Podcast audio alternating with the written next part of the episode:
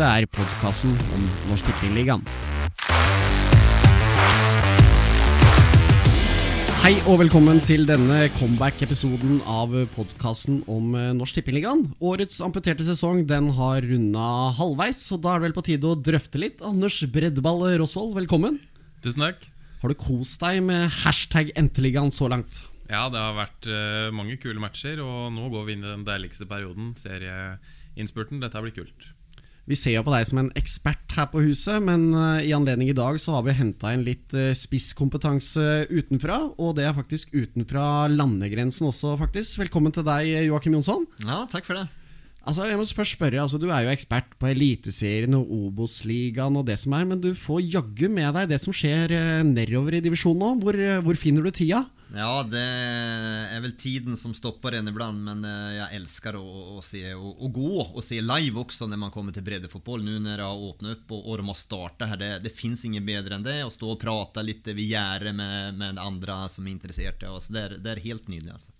Det er jo da de seks avdelingene i Norsk Tippeliga vi skal ta for oss. Er det, er det breddefotball? Er det en miks av breddefotball toppfotball? Hvor uh, anser vi uh, denne divisjonen å være, egentlig? Ja, det er vel kanskje det, men jeg, er, jeg måtte enda si at jeg er, er positiv til den uh, serie, serieomleggingen som man har gjort her. Og, og, kvaliteten er bra. Jeg har sett ganske mange kamper, og det, det, er, det, er, mye bra fotball som spilles. Og, og det ser vi først og fremst når de her andre lagene i enkeltkamper har kommet med veldig gode gode lag, så, så sliter de mot eh, van, vanlige tredjedivisjonslag også. Så det blir et løft eh, kvalitetsmessig, det er ingen tvil om.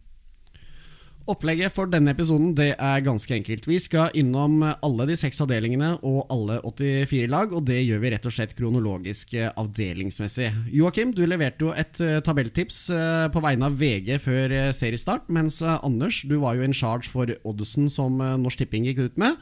Så dere har jo på en måte gitt fra dere hver deres fasit før sesongstart, så her er det anledning både til å hylle og slakte de to ekspertene. Men da tenker jeg vi bare kjører på. Avdeling 1.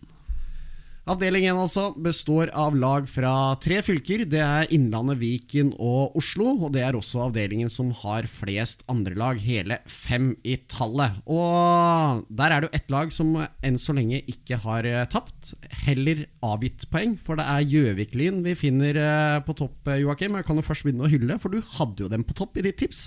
Ja, jag hade det. Nu eh, var det väl ganska många som hade dem helt i toppen där också. Så det jeg vi vel ikke veldig överraskade sen att de står med åtta straka seire till nå. Eh, det er ju ny, ny runde imorgon. Men det er eh, särdeles og Och spörsmål är om ikke Gjøvik Lyn har den här säsongens bästa spiller i tredje division.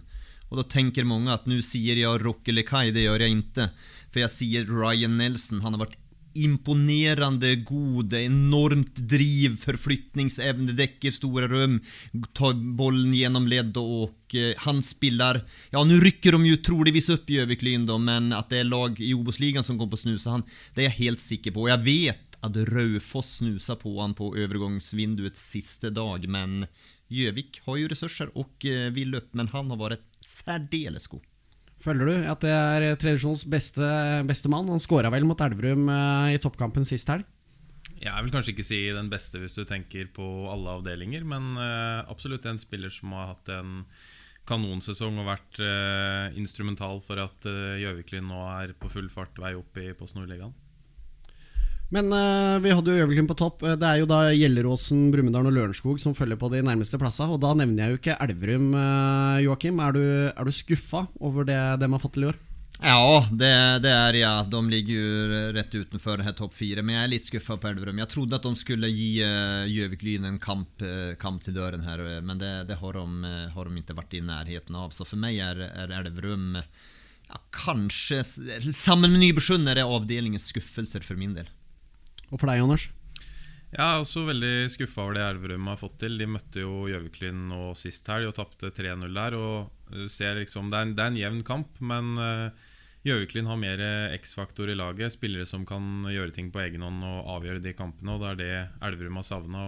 Kun vunnet én av de siste fem. Så det, det, er ikke bra nok det Elverum har levert i år.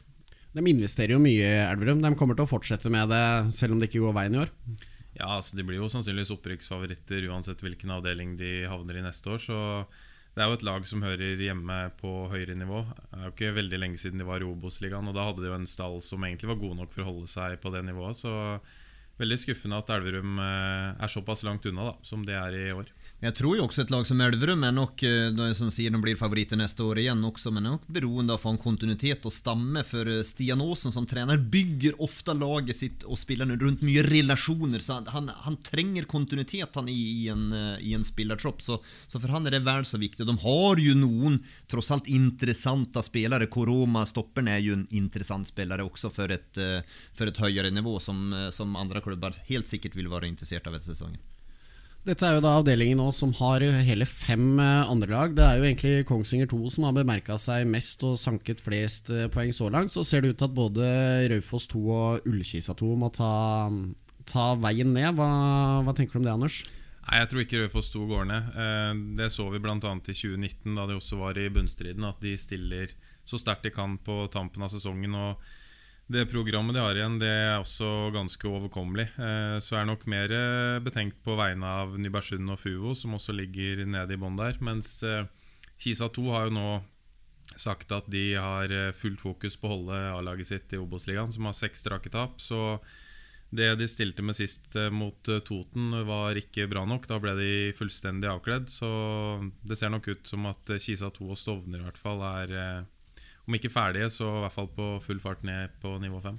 Hvordan tror du den avveininga der er, eh, Jokke? Altså Raufoss 2 som kjemper Raufoss 1 kjemper jo for eh, kvalikplass eh, i Obos-ligaen. Samtidig så har du da et rekruttlag som du kanskje vil prøve å berge plassen til. Hvordan disponerer man det utover en høst med mye kamper? Ja, alltså det är ju klart att A-laget blir naturligtvis hovedfokus her, men uansett så skal troppene være god nok, og kanskje Rødfoss har litt bredere tropp og kvalitet enn hva, enn hva Kisa har også. Men jeg syns det skal være god, god, nok for å kunne kombinere det her og prioritere det nok. Man skal ikke være livredd. Det er altfor mange som er livredde for det. Man må hvile spillere pga. skader eller ditt eller datt. La spillerne spille kamper. Det er det man blir, blir bedre av også. Så det, det, mener jeg at de bør kunne balansere. Og jeg er enig med, med Anders her. Raufoss 2 eh, tror jeg også kommer på å klare det. Det er viktig for dem å ha den sinnssyk forskjell mellom tredje og fjerde divisjon. Altså det hoppet er gigantisk. Så at uh, med tanke på spillerutvikling også, å ha en arena for de nest beste, så, så, så må Rødfoss ha kvar laget.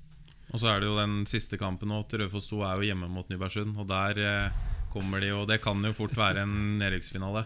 Og det var jo som mot Gjøvik-Lyn de hadde i serieavslutninga i 19. Da kom de jo med et meget sterkt lag, et lag som fort kunne starta en Obos-ligakamp. Så hvis det står om eh, den siste kampen, da kommer Rødfoss 2 med et solid lag. Det kan du være sikker på. Men Nybergsund er jo også ja, Vi nevnte Elverum, men for meg er en enorm skuffelse. Altså, vel, eh, de har vel spillere fra omtrent alle nasjoner som finnes i verden her.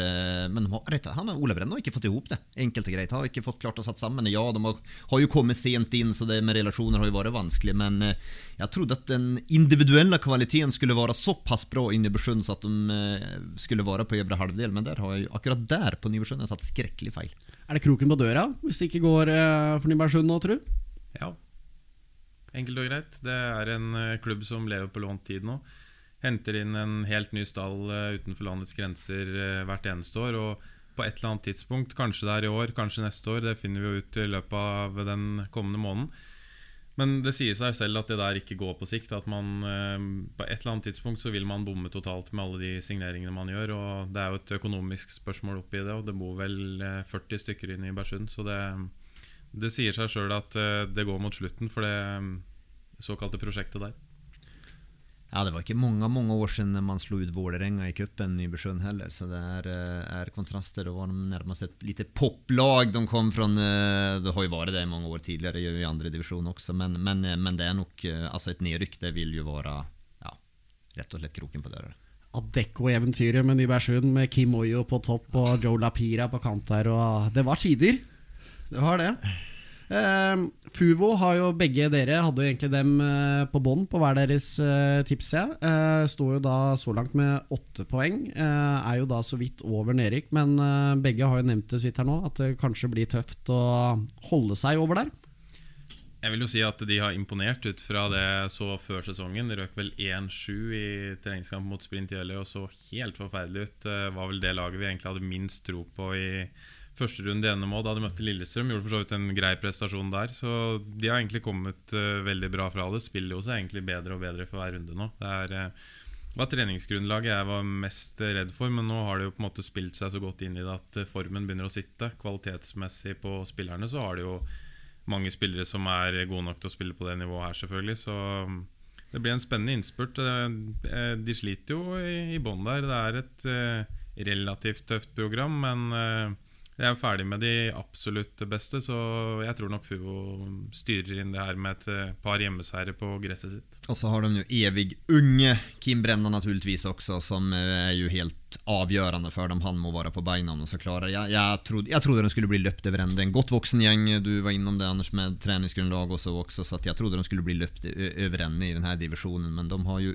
egentlig klart å gjøre alle kamper ganske jevne. Jeg røk bare 1-0 mot Elverum tidlig, f.eks. Ja, ja. Og, og, og, hele tiden var det små marginer. Sen da igjen da, så har man jo Kim Brenne. Man har en målskårer, og, og det er, er jo helt avgjørende når man kommer til de her fasene når sesongen skal, eh, sesongen skal avgjøres. Det er jo faktisk det laget som har gitt Gjøvik-Lyn mest kamp òg. Tapte 1-0 på et eh, mål mot i fire minutter på overtid i den hjemmekampen. Så hjemme på gresset er de, er de vanskelig å slå. Og så har de faktisk klora med seg noen poeng borte òg, så det er egentlig en imponerende sesong sånn sett av Fuvo. Stovner, som du hadde noenlunde midt på tabellen, eh, Joakim, de ligger eh, desidert sist med, med, tre poeng så langt. Har det vært en skuffelse for deg? Ja, framfor alt så er det en skuffelse at de ikke produserer mer offensivt enn hva de gjør. For jeg syns at de har et eh, er ganske mange spennende offensive individualister. Man har en ringrev som trener, som jeg trodde skulle få sammen det her også. Jeg var litt usikker i forhold til det defensive, men det har jo faktisk vært litt motsatt. 13 mål er jo nærmest akseptable tall å, å ha sluppet inn, men de, de, har rett og slett ikke skåra mål. Det, det er jo overraska meg litt. Nå skal det vel mye til om de skal kunne reise seg fra det her. Det polske innslaget i uh, norsk divisjonsfotball, da, Toten, som uh, rett og slett har uh, fått litt hjelp. De ser jo ut til at dette skal gå greit. Nyopprykka, riktignok fra 2019, da, men ti poeng så langt. Og jeg må ta opp navnet her. Så husker jeg Daniel Kraska, som da på topp med polsk eliteserieerfaring med sju pinner så langt.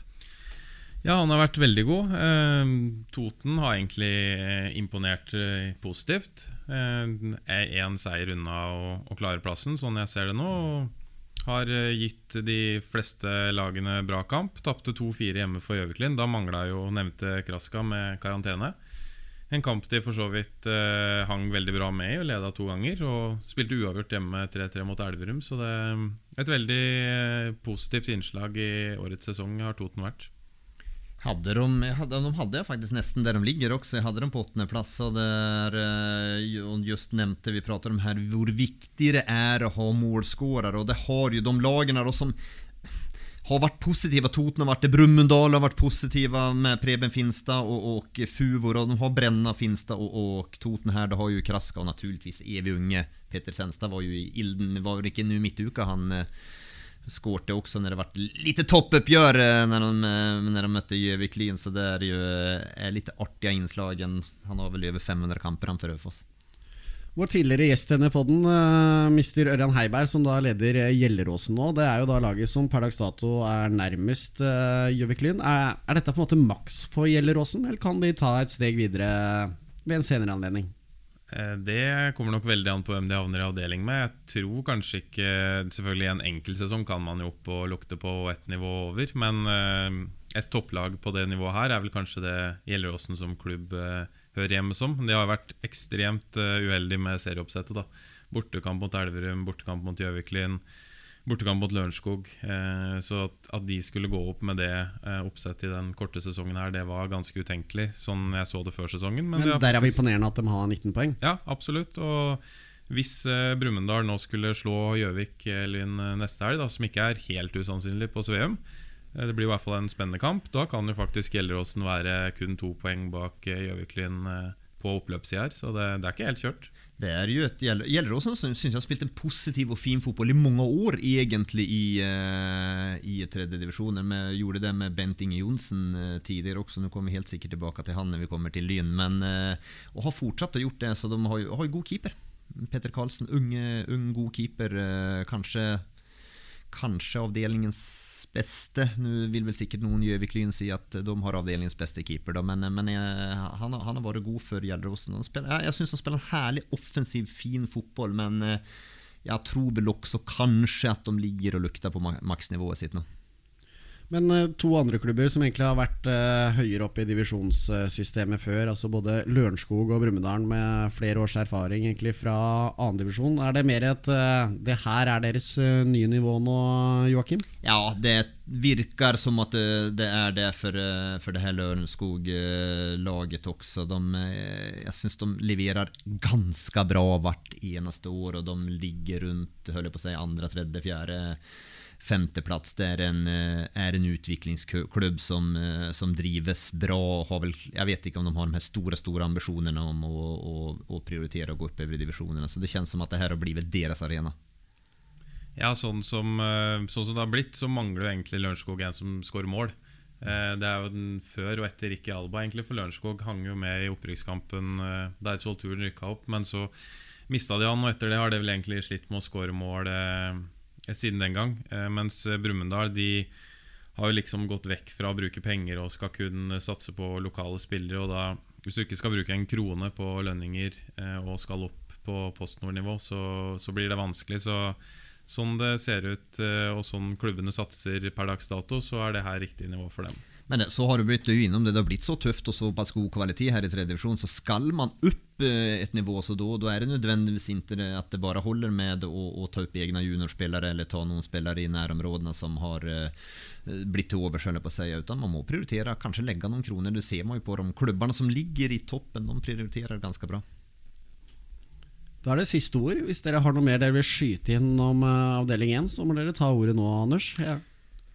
Ja, eh, Jokke var jo inne på det, men Kongsvinger 2 må vi også skryte litt av. Da, som har spilt faktisk en veldig god fotball. Vant jo fortjent borte mot Elverum, selv om Elverum skapte en del sjanser. Så syns jeg Kongsvinger forsvarte seg veldig bra. Og det er stort sett bare unggutter som eh, har levert for det laget. Så eh, de må nevnes. Det må de. Ja, det holder med. Det, det drives godt. Jeg trodde at Kongsvinger skulle få ordentlig trøbbel. For her, der vet jeg jo, der skal jo alt prioriteres på A-laget. A-laget skal opp, og, og det har det vel for så vidt kanskje blitt gjort også, men, men ungguttene her er vel NTG, da. eh, Som spytter ut en del gode spillere her, har imponert stort på med å spillemessig gode også. Vi lar det være siste ord fra avdeling 1. Avdeling to. I avdeling 2, også der er det bestående av tre ulike fylker. Det er Vestfold og Telemark, Viken og Oslo. Det er også da, vi må jo nesten si, den mest profiltunge avdelinga, Anders. Altså Her har vi Champions League-vinnere på sidelinja for flere klubber. Ja, og de skal møtes nå ganske snart, så det blir jo Da står hele Norge stille. Og kan Flint ødelegge for Eik Tønsberg, eh, Jokke? Eh, ja, det kan de i en enkeltkamp, absolutt. Flint har kapasitet. De har vist det i, i NM, og sen så har de vært gode mot topplagene, tatt poeng av Ørn Horten annet. eh, Så at Flint har, har kapasitet, men man er en, en smule ujevn. Men at de kan i en enkeltkamp ødelegge mot uh, Tønsberg, ja. Nå glemte jeg jo å si grunnlaget her. Altså FK Eik Tønsberg er jo da trent av Ronny Johnsen, mens eh, Flint Tønsberg, eh, eller Flint som det heter, er det jo da Jon Arne Riise som eh, står på sidelinja for. Og det er jo FK Eik som uh, topper denne avdelinga, Anders. Og det ligger vel an til at Eik skal ta det her. Ja, ikke nødvendigvis. Hvis du ser på det gjenværende programmet, så er eh, Hønefoss er fem poeng bak med en kamp mindre spilt og møter rekruttlaget til eh, Sarpsborg 08 i en midtuke, så da kan de nok eh, møte et ganske overkommelig lag der. Og de har et eh, ganske mye enklere program på papiret ut sesongen, så ja, jeg holder som deg eh, Eik Tønsberg som eh, favoritt eh, fortsatt, men jeg ser ikke helt bort ifra at Hønefoss kan være med helt inn her. Det är ju avdelningens, höll jag på att säga, lite pensionistlag bägge de här. Alltså inte i, i den förmeningen att de har väldigt många, men de har väldigt få unga spelare som syns spelar i älven. eh, Älveren, Eiktonsbro har väldigt få och har en del eh, äldre också, men Hönefors har ganska voksent och rutinerat lag. Och, så att hvis ikke en av de här rycker upp så då, då syns jag nästan det är lite svagt. Då. Ja, Vi kan jo ta spørsmålet med en gang, som vi fikk inn på Twitter fra Lars Rydje. Det er tre lag som skiller seg ut i toppen her. Alle tre skal møte hverandre. Hvem rykker opp til slutt? Jag tror at erfaringen til Tønsberg gjør at de rykker opp. De har eh, erfaring i eh, stort sett alle ledd. Så jeg er litt usikker med Nu Brensrud gikk ut her nå, og jeg vet ikke hvor skaden er der. For det kan ha en betydning absolut eh, i denne sluttstriden. Men er han tilbake, så, så holder jeg ändå Tønsberg som små favoritter. Ja, jeg gjør også det, for uh, Ørn Horten, da, som er det tredje laget i miksen der, de har jo bortekamp mot både Hønefoss og Eik Tønsberg her i uh, innspurten. Så hvis de skulle stikke av med det, så vil det jo være uh, ytterst fortjent. Eik Tønsberg har jo tøffe kamper med både borte mot Mjøndalen 2 og Fredrikstad 2. Lag som ønsker å holde seg, som sikkert kommer til å stille bra i de, i de kampene der. Og så lokaloppgjøret mot Flint, som vi var inne på. Så, og ikke minst en bortekamp mot Hønefoss i siste runde. Der kan vi jo faktisk få en, en ren opprykksfinale. Det hadde vært skikkelig kult. Men Hønefoss, da. Altså en klubb som det er ikke Man husker jo at de spilte i Eliteserien. Det er jo ikke lenge siden. Uh, går de seg rett og slett bom fast på det nivået når du egentlig ikke bouncer back uh, på første forsøk? Ja, det er jo ofte så er det, Slår man ikke tilbake på en gang, så er det ofte vanskeligere. For det er jo noen av spillerne som går ned blir många gånger igen en säsong för att, de, ja, för att allt ligger till rätta för att man ska slå tillbaka och så gör man inte det så, så mister man det sakta men säkert här. Men eh, Hönefors syns ju ha ett sånt erfarent, de har ju flera spelare, de har väl nog spelare kvar från elitserietiden. Alexander Groven är väl där, eh, Bygre är väl där, jag vet inte om den är fler, men det är väl ett par stycken som är kvar sen de var i, var i elitserien. De ryckade väl ner i 2013 kanske. Det var noe sånt der, så det er ikke så mange år sedan. Eh, men eh, de har gått seg fast litt grann nå. nu. jeg jag har sett, altså Kråkerøy er jo et Fredrikstad-lag så de, de, er jo på plass hver gang å se. Og jeg har sett både mot Eiktöns var de helt sjanseløse, mot Hønefoss var de minst lika gode som, gode som Jag syns det var kvalitetsforskjell faktisk på de to lagene der, Så jeg holder håller Tönsberg som et, rett og slett et bedre lag enn Hønefoss. Ja. Og så mangler jo selvfølgelig Hønefoss en som kan uh, skåre mange mål. Det er mm. viktig for å rykke opp i enhver en liga. Og toppskåreren har tre mål. Skåra ni mål færre enn uh, Eik Tønsberg. Og det er kanskje det, der jeg tror uh, det avgjøres for Hønefoss. Da. De, er, de er solide defensivt, men de, det krever for mye for at de skal, skal skåre. Og da er det det som bikker det i favør Eik Tønsberg helt til slutt. Vi ser eh, litt nedover på tabellen her òg, i midtsikte med Follo, Porsch, eh, Oppsal, før det følger noen eh, andre lag. Det er jo klubber der òg som har sett høyere opp i divisjonene før, men litt sånn ingenmannsland sånn det er nå, Jokke? Ja, Follo tror jeg ikke har noen andre ambisjoner enn det heller. Man har et voldsomt ungt lag, men har et ganske høyt toppnivå. Det var jo veldig nære å slå ut Stabæk i, i, i cupen, blant annet. Og och har, har ju bara tappat en kamp. Man gör alla kamper jämna. Men det är väl generellt i den här avdelningen, så glöm åsidan då, för de är väl omtrent det dåligaste lag av alla i den här tredje divisionen. Eh, så är det stort sett mycket jämna kamper här. Det är ingen kamp som man tänker, åh, oh, den är totalt klink det ene eller andre laget. De fleste kamper blir ganske jevne, og omtrent alle kan slå alle. Jeg er ikke trygg når de her topplagene møter som sagt jeg har sett på Kråkerø, som tok poeng av Hønefoss, annat. Eh, og har vært nære tatt poeng av, av, eh, av Follo og Oppsal, som er, er topp 6 også. Så det, det, er en veldig veldig jevn avdelning. Men tilbake til Follo så, så, er de nok per nå i hvert fall på den Det, om det har vært rot og rør i noen klubb i norsk fotball, så, så har Follo stått for mye av det alltså. Ja, altså er jo Kvalitetsmessig så tror jeg nok denne avdelingen her er den, den beste. Eh, det er som Jokke sier, at det er veldig mange jevne kamper og, og høyt nivå på den avdelingen. Så lag som Kråkerøy og Halsen, som har på en måte levert flere gode enkeltkamper, eh, sliter i bånn her. Og i kanskje i noen av de andre avdelingene så ville de klart seg greit inn på midten, mens her er det nedrykkskamp. Så det er en, eh, en meget tøff avdeling med, med gode rekruttlag òg. Jeg har spurt dere hvem jeg tror rykker opp. Da er jo spørsmålet hvem, eh, hvilke tre lag går ned. Åssiden Åsiden er jo da det eneste laget som står med null poeng så langt, så jeg regner med du kommer til å svare det. Så er spørsmålet hvem slår følge? Åsiden er ræva, enkelte på godt norsk. altså det er, Nei, Dessverre så tror jeg at Kråkerøy slår følge. Og det er eh, Anders var innom, de har spilt jevnt inn, jeg syns mot Eik var de klart svakere. Ellers har de spilt jevnt i alle kamper. Tapt med ett mål i, mot Follo, man tappte med ett mål på overtid mot uh, Oppsal. Man tappte vel med ett mål mot Sarpsborg tror jag. Sen uh, mot Strömsgodset var man med också där. Och så att jag tror dessvärre blir Kråkerö. Sen tror jag Halsen, Halsen har imponerat mig lite grann. Lite bättre än vad trodde så tror jag att det blir uh, Halsen, Kråkerö och och å- Åsiden. Ja, jeg er litt eh, redd for Flint. Jeg. Ja. eh, har noen tøffe bortekamper igjen. eh, Follo, Godset 2 eh, og Eik Tønsberg, da, som vi prata om i stad. Så jeg syns det spøker for dem. Halsen er gode hjemme og har et ganske overkommelig program. Møter jo bl.a. Kråkerøy da, i serieavslutninga. De eh, holdt seg jo ved å vinne serieavslutninga i 2019. Eh, Halsen vant eh, 2-0 hjemme på Bergeskauen mot eh, Grei. Det kan jo bli en en lignende, et lignende scenario i år, så jeg drar opp et lite flagg for, eh, for Flint der, at de er litt i, i fare. Og så ser vi jo nå at eh, Godset 2 er under streken, og de har jo Det er kun én kamp de har hatt med seg eh, mange fra A-laget i år. Det var hjemme mot Oppsal, da vant de 5-1. Nå som eliteserielaget ligger sånn midt i ingenmannsland der, så vil jeg bli veldig overraska hvis ikke de sender ned et par A-lagsspillere for å holde laget. Så det står nok mellom Flint, Halsen og Kråkerøy. To av de tre må bli med Åsia ned. Det her er faktisk den avdelningen, jeg tror du var innom du nevnte det, men det her er den avdelningen med de beste andre lagene også, De, mange av dem, Godset har ikke prioritert til nå, det kommer de på å gjøre. Det fins ikke en chans i havet at Godset vil, vil rykke ned. eh, Fredrikstad 2, Sarpsborg 2, Mjøndalen 2. Nei, det her er den avdelningen med de beste andre lagene. Det er en brutalt uh, tøff avdelning Og, og for Kråkerøy og eventuelt Halsen Flint som går ned så hadde de nok klart seg i samtliga avdelinger, foruten akkurat uh, den här. Men du nevnte jo, nevnte jo Flint her, Anders. Eh, Da du oddsatte avdelinga før eh, seriestart, så var det vel egentlig bare fire lag som hadde lavere odds på å rykke opp. Flint sto til 6,50. Du og Jokke hadde Flint på en eh, sjetteplass. Så det har egentlig vært skuffende fra Jon Arne Riise, eller?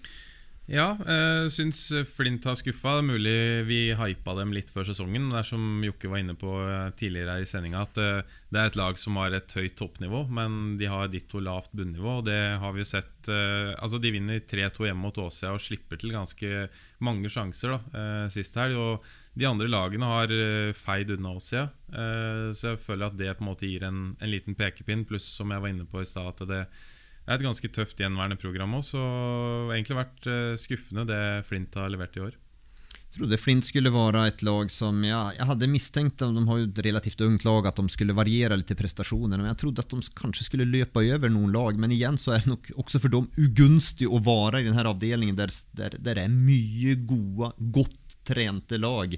Ganske mange godt organiserte lag. Eh, Det har, har nå vært litt banen for, for, Flint. Men jeg, jeg, tror at de har så høyt toppnivå så at for meg, de, de kan nesten slå hvilket lag som helst. Men det som også fikk meg til å på måte tenke på at Flint kan faktisk finne på rykkene, var jo den kampen mot eh, Kråkerøy forrige helg, eller for to uker siden. Da de, de taper riktignok bare 1-0, men det er nærmere 7-0 til Kråkerøy enn at Flint får med seg poeng. For det var liksom total enveiskjøring. Eh, Flint skaper vel kanskje én sjanse for Kråkerøy, bare pøse på. Så det, det er det båndnivået som gjør at eh, jeg tror det her kan bli skummelt for de på tampen av sesongen.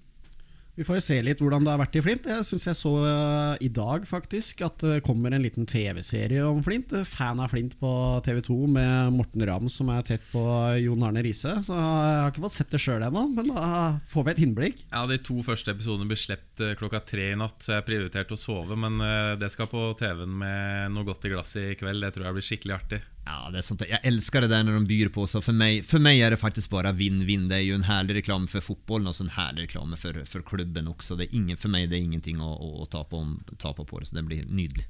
Men denne Flint-Eik-kampen som vi har igjen, hvor mye, mye tilskuere kan vi forvente oss? Altså Tønsberg-publikummet bør jo kjenne sin eh, besøkelsestid der.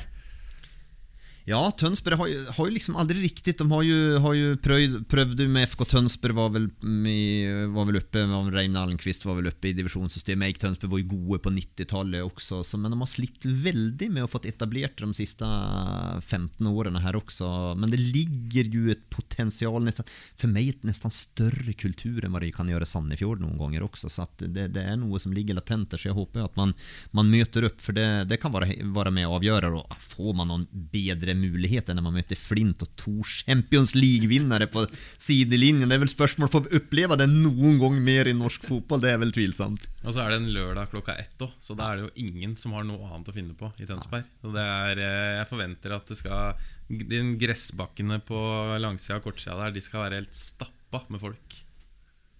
United og Liverpool-delegasjon på hver sin side her. Skal du dit, da? Eh, klarer ikke å svare på strak arm. Eh, det er jo mange, mange kamper jeg skal på, så vi får se om det er den som får prioritet den helga. Er det noe mer fra avdeling eh, to som vi må nevne før vi hopper videre?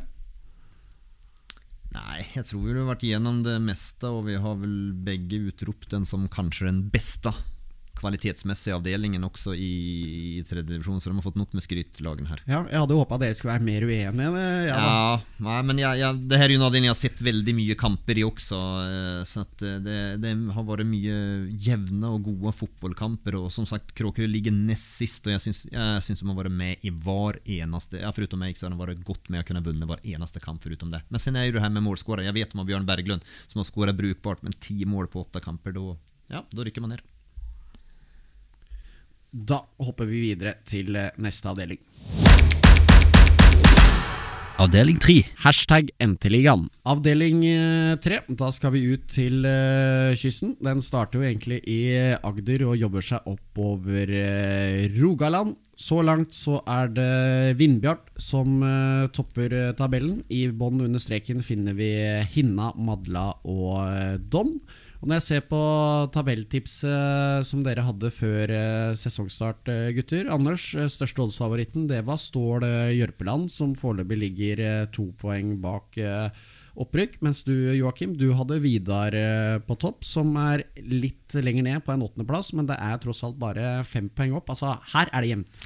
Ja, det om, om kvalitetsmessig den andre var en, avdeling to var den kanskje den beste, så er jo det her definitivt den jevneste avdelingen. Vi ser jo Åkra som ligger på elfteplass per nå, har én kamp mindre spilt. Vinner om den, ja, da er de tre poeng fra var opprykk. Det her er jo et uh, rotterace uten dess like, så her kan jo tipsene ha blitt snudd opp ned bare på en uh, serierunde, men det er herlig jevne kamper, uh, og, og, og det er en ny- suveren spenning.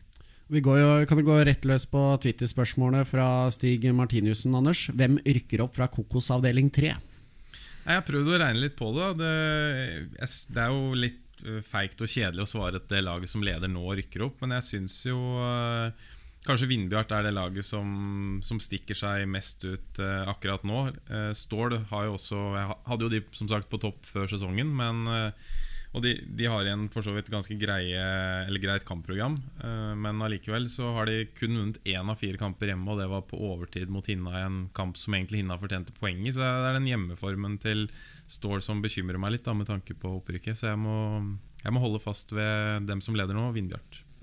Jokke, Jeg pleier sjelden å gå tilbake på mine tips, men, eh, men videre er det er jo stramt fem poeng etter her nå også. Denne Den her, den avdelingen er så uh, jevn så det er helt vilt. Jeg syns Jerv har et ganske bra program kvar. Jeg vet de er også fem poeng etter. De har så mye skader, Jerv. Hadde ikke de hatt så mye skader? Jeg syns nesten at Jerv kanskje, om man ser troppen isolert sett, er den beste i, i, i avdelingen, men de har vanvittig mye langtidsskader, så at Nei, Jeg kan ikke være så forbanna kjedelig at jeg sier Vindbjart heller. Det, det går ikke. Nei, men Da sier jeg at eh, Even Østensen ja, han har vært på jobb, men må komme seg ordentlig på jobb her i, i høst nå. Og så må det han som skal avgjøre de her hjemmekampene som, eh, som jevna står og vipper. Så jeg, jeg håper og tror eh, for mitt tips at han gjør det, og da er vel Stig fornøyd med meg, antar jeg. Det er jo også en Vi, nevner jo Østensen her, men vi må også nevne keeper Dobrolinski. Han har jo vært kanskje enda bedre enn Østensen. Det står Jørpelands viktigste spiller den sesongen og redda utrolig mange poeng. Eh, Slipp til overraskende mye. Et så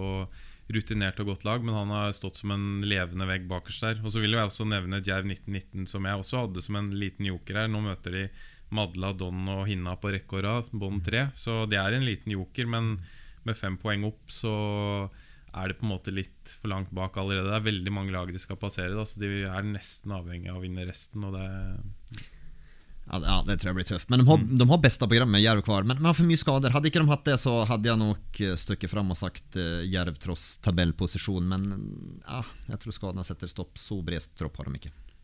Men altså, Vindbjart uh, sto rett og slett i ti odds før uh, seriestart. Er det, er det noen som har noe lodd på Vindbjart, egentlig? Den tar jeg ikke på strak arm, men jeg vil jo tippe at det har kommet eh, noen kroner på dem. Hvis uh, Vennesla stikker av med det her. Det vil jo være en eh, overraskelse, vi må jo si det. Ja, liten overraskelse, men det er jo Vi traff vel sånn noenlunde med Det er vel sju lag fra ti odds og nedover, så det har vært veldig Det ble jo spådd at det skulle være en veldig jevn avdeling. Kanskje vært enda jevnere enn noen kunne håpe og tro. Så at uh, de rykker opp, er jo ikke noe sånn eh, kjempeoddsbombe. Vi hadde vel Mjølner her for noen år siden til 50 odds. Så, så, det er nok det er i noen andre avdelinger der vi har uh, enda større outsidere som uh, fort kan ta opprykket. Og Vindbjart er jo en klubb som har vært litt etablert oppe, ja, ja. godt i, i andredivisjon også. Var et godt andredivisjonslag. og har ju, alltså Steinar Skeie har ju legendestatus han i, i, i Vindbjørter og har vært med tidligere. Han vet hva det her handler om også. Det tror jeg kan være med å vippe litt grann eh, når det skal avgjøres. Og Dette er jo også siste sesongen hans. Han er jo ferdig som trener her etter sesongen, så det hadde jo vært kult at han kunne krone det med et opprykk til slutt. For å rette fokuset mot uh, Djerv 1919, som vi var innom her, Joakim, fikk jo spørsmål om uh, begynner de å bygge et lag som kan ta steget opp til andredivisjon? Ja, absolutt. Og jeg tror de hadde gjort det i år. Som sagt, nå kommer jeg tilbake og blir gjenta meg sjøl her igjen, det her med skadene. For de har en ganske bra tropp, eh, bra variasjon. Eh, eh, har jo mista mange altså Jerv har jo egentlig mista mange fra 2019. I, i så har man mista og måttet bygge opp med ganske mange unggutter og, og, og, nye spillere. Men de har et bra, spennende lag på gang. Drives godt i klubben, ungdomsavdeling. Så at, eh, absolutt så er det et lag som kan på sikt eh, ta seg opp. Og for meg, da får de beholde troppen, så, så, vil de være en favoritt i 2022 for meg. Og så mista de jo også treneren sin da, rett før sesongstart. Ja. Endre Eide ble henta som assistenttrener til Start, og de har jo flinke folk som har, har tatt over der, men klart det er jo det har jo noe å si det at man mister eh, treneren sin så tett på. Eh, en annen ting er jo at de har jo FK Haugesund i Eliteserien og Vard Haugesund i Post Nordligaen. Så hvor mange klubber er det mulig å ha på toppnivå på et, en såpass liten by som Haugesund er. Da. Det er jo også et eh, spørsmål. Kanskje Vard ned hvis Djerv 1919 skal opp. Men vi var jo inne på det, hvor jevnt det faktisk er i denne avdelinga. Altså fra Åkra, som per dags dato ligger på plassen over nedrykk, eh, så er det jo bare seks poeng opp til Vindbjart, og dem har jo faktisk en kamp til gode. Men eh, nedi der òg så har vi jo bl.a. Brodd, som vi jo har vært eh, og har et nært og kjært forhold til, Anders. Men det er litt som spådd at det er en litt sesong på nedre halvdel i år. Ja, De starta ganske svakt, men de er jo eh, det laget som er i best form. Tatt 11 eh, poeng på de fem siste, og nå er de Viking 2 og Start 2 faktisk begge på hjemmebane i de to neste kampene. Så det er ikke helt umulig at de skal være oppe og, snuse på en topplassering når vi nærmer oss eh, slutten her. Det hjelper å forsterke laget. Ja, det hjelper å forsterke laget. Nå så Øyvind Jacobsen, som er litt eh, primusmotor der også, som var ute og, og skrøt av, en, av dommernivået. Og da var det en kvinnelig dommer som han skrøt ekstra på. Så, så, rart, så skulle hun dømme kampen i helgen også, liksom. Så han lar ikke noe til tilfeldighetene, Øyvind. Altså. Han er på jobb, i hvert fall. Han vil opp. Jeg syns faktisk at Brodd har fått ganske bra betalt i kampene her. De har klart å vippe kampene til sin, mange jevne kamper som har vippa til sin fordel. Så at det, det, ja, det ser bra ut, de har bra kampprogram fram kvar, men den kunne faktisk ha sett lite, lite verre ut. Så jeg tror ikke, om de har forsterka litt og har en, del, faktisk en god del X-faktorspillere på det her Brodd-laget som kan eh, gjøre dem eh, ja, gjøre mot de aller beste lagene også, tror jeg ikke at de kommer til å være helt helt der oppe. Selv om Øyvind er ute og melder litt på Twitter, så tror jeg nok han har egentlig et ganske edruelig forhold til at uh, den kampen mot Madla sist her nå, det var den viktigste kampen å vinne. For hadde de tapt den, så hadde det vært helt mm. åpen igjen med tanke på nedrykket. Så hvis Brodd holder plassen i år, så er de nok ganske fornøyd med det og kan bygge videre på det til neste år igjen.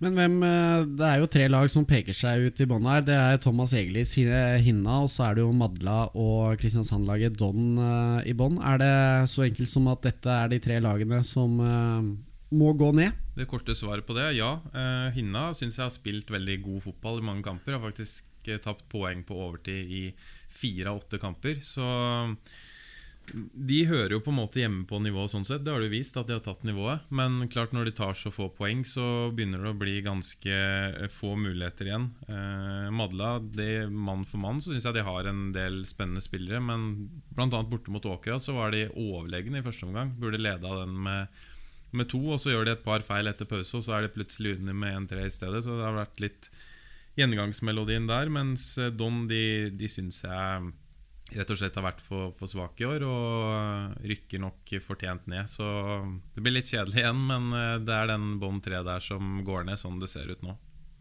Jag trodde at, ja det tror jeg også det blir. Ja, For meg og Express er et av lagene som har överraskat mest for meg. Jeg trodde at de skulle bli veldig rutinert og, og eh, det vel enkelt å si at man, bare, man skal bli løpt over, Men jeg trodde de skulle bli det litt. Ja, men de har, eh, har imponert og kunne faktisk hatt noen flere poeng enn hva de, hva de har det her Ekspresslaget. De er jo bare tre poeng från från eh, ledelsen också. Annars är jag enig med, med Anders här på Hinna som har... jeg jag vill inte helt, helt regna bort akkurat Hinna för de syns jag har varit så gott med i många kamper så att eh, de kan eh, ta noen poeng, Men det er klart, når man begynner i en avdeling som er så jevn, og man begynner å bli 5-6 poeng ifrån eh, Sickermark så da med fem kamper, ja, ja de må ju vinna tre av dem och det är inte säkert de kanske må, nej, nej det blir de, när jag, när jag ser på tabellen nu säger jag det, det blev ett långt svar men mitt korta svar är ja också.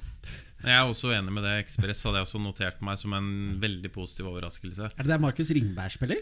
Han er jo assistenttrener. Eh, hadde vel et innhopp eh, i den cupkampen mot Start, hvis jeg ikke husker feil. Tror han kom inn i pausa, spilte andre omgang. Det er jo kult for oss fra Hamar. Men eh, Ekspress har, gjort, eh, har vært veldig, et veldig positivt bekjentskap. Sist de var oppe, så var det jo en kasteball. Var jo ikke i nærheten av noen ting. Så, og de er jo faktisk litt på skuddhold med, med tanke på å kjempe om opprykk hele veien inn nå. Så utrolig kult at vi får opp lag som er med og preger nivået og sånn, og ikke bare blir spilt rundt med og ligger i bånn. Dere nevnte jo Even eh, Østensen i stad. Står du hjelpelandsspilleren med en fortid i Viking som uh, står med åtte pinner så langt. Men toppskårer i avdelinga det er Peder Dovland, MK, Mandalskameratene, med tolv skåringer. Det, det, er habilt. Ja, og Så kan du ta med at han har stått over to kamper med sykdom òg, så han snitter jo på to skåringer per kamp. Det er jo helt uh, Helt ellevilt. De hadde jo Joakim Holtan, en eh, personlig favoritt av meg, som bøtta inn mål der for et par sesonger siden. Så kult at de har en annen mann som har eh, tatt opp hansken nå. Han, eh, ja Dovland er jo är född 2000 også, så ganske relativt ung gutt også. Det er vel, spiller vel midtspiss nå, men utgångspunkt litt kant, offensiv midtbane. Altså Peder Dovland, han er egentlig Mandals Jack Grealish han i, i spillertypen. så att, men her imponerende. han er ju Alltså det er, det er to mål i snitt. Det, det legger klubba merke til på et høyere nivå også, det bør vi ikke tenke med. Ja, Så han er ferdig på det nivået her etter 2021, da? Eh, ja, hvis han holder seg frisk og ikke får noen mer forkjølelser og skårer mål, så er han det, ja. Det er, vel, er det en sesong det er lov å være ute med litt sjukdom, så er det vel i år, egentlig. Jo da, det, det, er vel naturligvis det, men, men Mandal er vel med. De fire poeng etter også og, og har en matchvinner der, så hvorfor ikke? Hvorfor skal ikke de kunne være med til slutt? da? Blir det oddsatt noen vinnere utover her på denne avdelinga her, eller? Nei. Nei. du burde gjort det. Ja, Kunne sikkert gjort det, men tror vi holder oss til å sette odds på kampene. Hva mer skal vi tilføye fra avdeling tre? Marginenes uh, avdeling? Jeg føler jeg har fått uh, fatta meg nok i korthet. Jeg kunne jo sittet og prata en time til, men uh, vi må vel uh, hoppe videre etter hvert òg. Ja, du tar jo hintet her, eh, Anders. Eh, det skal du ha. Eh, Jokke, noe å tilføye? Nei, det er jo en, er jo en utrolig spennende avdelning og jeg misunner ikke å sette odds på denne kampen, for det er, det har nærmest blitt, blitt bingo. Vi lar det være siste ord, så hopper vi videre. Avdeling fire. Avdeling eh, fire består rett og slett av eh, to av Norges elleve fylker. Det er Oslo og Vestland som er eh, representert. Og da mister Rosvold satte odds før sesongen, så var det Lysekloster som ble heiset til topps. Mens da Jønsson leverte Jonsson beklager sitt tabelltips, så satte han Frigg på toppen. Og det er Frigg som leder han, så her kan du være fornøyd, Jokke? Ja, jeg kan jo det enn så lenge i alle fall Og det er vel ingenting som tilsier at Frigg heller skal gå på noen smell. Man har vært fryktelig stabila. Den kampen man avgav poeng, det var vel mot Reddy på bortebane riktignok, og det var vel overtid i tillegg. En kamp som man bomma straffe på og kjørte fullstendig. Så at eh, Frigg har vært eh, gode eh, och eh, har ett solid lag, spennende spännande tränare i, Magnus Ådland också och har jo en del, altså Kaba-spissen, han... Eh, for et fysiskt eh, praktexemplar. Han er et monster å møte på det her nivået altså. Det er en herlig spelare. Han, eh, han kan jeg bare slå på sendingene for å se på han. Men han får det ikke til når han har prøvd seg på nivå over. Nei, men det, så, så er det jo kanskje litt for endimensjonal i spillet, og sen så er det jo ofte som så at eh, no, på det her, når man kommer opp et nivå så blir jo kanskje forsvarsspillerne lite noen prosent sterkere fysisk, noen prosent raskere, og, og da blir eh, Kaba kanskje lite for enkel at han klarer å eliminere veckan men akkurat på det eh, på det her nivået så er han eh, en av de aller, aller farligste. Selv om du ikke hadde Frigg på toppen, Anders, så vet jeg at uh, du har blitt imponert av dem nå. Ja, jeg hadde dem jo for så vidt ganske nære toppen. da Det skal jo sies at det var ganske jevnt i oddsetting her. Men uh, det er klart, sånn Frigg har eh, spilt denne sesongen her, så burde jo de vært en megafavoritt. Var jo så serieåpninga mot Fana, og det var jo total gjenveiskjøring. Endte 6-1. eh, Og var også på den kampen mot Stord nå i helga. Der vinner de riktignok bare 2-0, men brenner store sjanser og har tre stolpeskudd. Så det er bare en maskin som ruller og ruller. Det er eh, klink opprykk. Eh, ligaens beste lag eh, i denne avdelingen her. Selv om Fyllingsdalen og Fana er eh, ett og tre poeng bak. Så Frigg må fortsette å holde det oppe, fordi de jakter i sivet bak der. Vi skal jo snakke om noen skuffelser i denne avdelinga her. Vi, vi må jo nesten det, og vi kan jo begynne med, med Lyseklosser, egentlig. For når Anders nevner her, så er det jo et par eh, lag fra bergensdistriktet som er i nærheten av Frigg, men Lyseklosser er ikke ett av dem. Altså åtte poeng på åtte kamper, Joke. Jokke. Nej, hade jag jobbat i organisation eller runt, eh, i runt Lysekloster så hade jag slutat brukt pengar i alla fall. För de har kastat pengar som fulla sjömän över tiden utan att få till någonting. Och det här är ju, ja de har, har väl brukt mindre pengar i år men brukar fortsatt mycket pengar med tanke på divisionsstatusen. Och eh, det är ju totalt katastrof. Jag ska vara ärlig att jag hade Lysekloster eh, på tredje plats och nu ligger de på nian och jag syns inte de förtjänar en tabellplacering bättre än vad de har, har levererat heller. Ja, hva har de gjort feil, Anders? Hva har de ikke gjort feil, ja. kan du vel heller si. Det er eh, meget skuffende. Eh, spillere som er eh, altså Meritterte spillere, gode spillere, i, både i bergensfotballen og noen som også har levert eh, på nasjonalt nivå. Eh, men det, er liksom en, det virker som det er en forbannelse over klubben. Det er liksom nesten hele tida, og i år er det for så vidt ikke nesten engang heller. Så det er liksom vanskelig og når du kommer inn i den tralten der, da, at du blir eh, på det nivået her, så det virker liksom som de ja, det kommer seg på en måte ingen vei. Det er bare sånn klubben har blitt.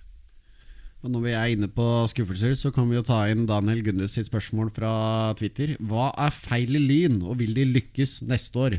Kan du nevne at Lyn har 13 poeng så langt etter de åtte første. Ja, det er jo omtrent en like stor skuffelse som Lysekloster. Kanskje ikke så stor, men eh, det är nog en störst skuffelse för dem internt tror jag. För de tror jag hade större förväntningar än vad vi utanför. För vi har stått och sett på det här nu några år och, och Lyn leverar egentligen. Ja, jag hade dem på femteplass før förra säsongen och det är där de ligger nu också. Så för mig så levererar de som, eh, som förväntat. Men det var en feilaktig felaktig sammansatt stall. Sen trodde jag Benting Jonsson syns jag gjorde det bra i Gjelleråsen. Hadde bra dreis på og spilte fin fotball. Eh, Det har ikke fungert alls i Lyn. Og eh, når hans kontrakt går ut etter denne sesongen, så da tror jeg ikke han trener Lyn i 2022. Så har de tatt litt grep Lyn nu med å hente Tor Ole Skullerud riktignok på en veldig liten eh, stillingsprosent, men enda et strukturgrep for klubben. liksom Og de ser jo at her må vi, må vi faktisk gjøre noe, få struktur på det sportslige og få struktur på spillerstallen. For det har vært Her igjen så er det en del gode enkeltnavn, men ikke godt nok. Og, og det forsvaret, Nå har de jo forsterka forsvaret. Han har jo, mm, William Sell kom jo på deadline day, og sen så har, ju, har vel Noah Beck Hermansen tidligere Fredrikstad-spilleren, junioren og noen A-kamper der kom jo også, og det var jo, var jo et måtte for det forsvaret. Det var jo skandaløst dårlig. Det var jo elendig i, i Lyn der. Så det, det ser vel litt bedre nu ut i høst eh, enn hva, enn hva det gjorde i starten, men eh, det er svakt. Men klarer de snu om nok til at det, det kan lykkes allerede neste år, eh, Anders? Nei, ikke nødvendigvis. Vi kommer vel sikkert til å ha de som favoritter på oddsen igjen. Men det, altså det er som Jokke er inne på, det er mange gode enkeltspillere. Men nivået her er såpass bra at det, det nytter liksom ikke at én mann skal få ballen og drible tre. Så det er, det er ikke et godt, nok, eh, et godt nok lag, rett og slett. Og nå har Lyn på en måte vært såpass lenge eh, i Norsk Tippingligaen at eh, det virker som de på en måte har grodd litt fast og har slutta å spille på Bislett. Nå er de på Kringsjå, som for så vidt er en ganske fin breddearena. Men ja, de har liksom eh, Det er her de egentlig er i ferd med å begynne å høre hjemme. Selv om eh, vi husker jo Lyn fra glansdagene når de herja Eliteserien. Men det begynner å bli ganske lenge siden nå. Men det blir, eh, det blir spennende med denne emisjonen man solgte ut klubben så at det var till folket höll jeg på å säga, så var det vel ti millioner som kom inn på omtrent en times tid. Eh, litt overdrevent, men det var ikke langt derifra heller. Eh, så det er mange som er interessert av det, og, og da er spørsmålet hvordan man bruker den kapitalen nå. Det, det, er jo helt avgjørende for Lyns framtid, så man, man, må bruke den fornuftig og bygge opp klubben, og ikke kaste den på noen gode enkeltspillere for å ta snabba grep, utan her handler det for Lyn først og fremst å bygge en organisasjon og, og en struktur rundt der. For forutsetningene til Lyn, eh, det er vel den beste i tredjedivisjon. tredje divisjon.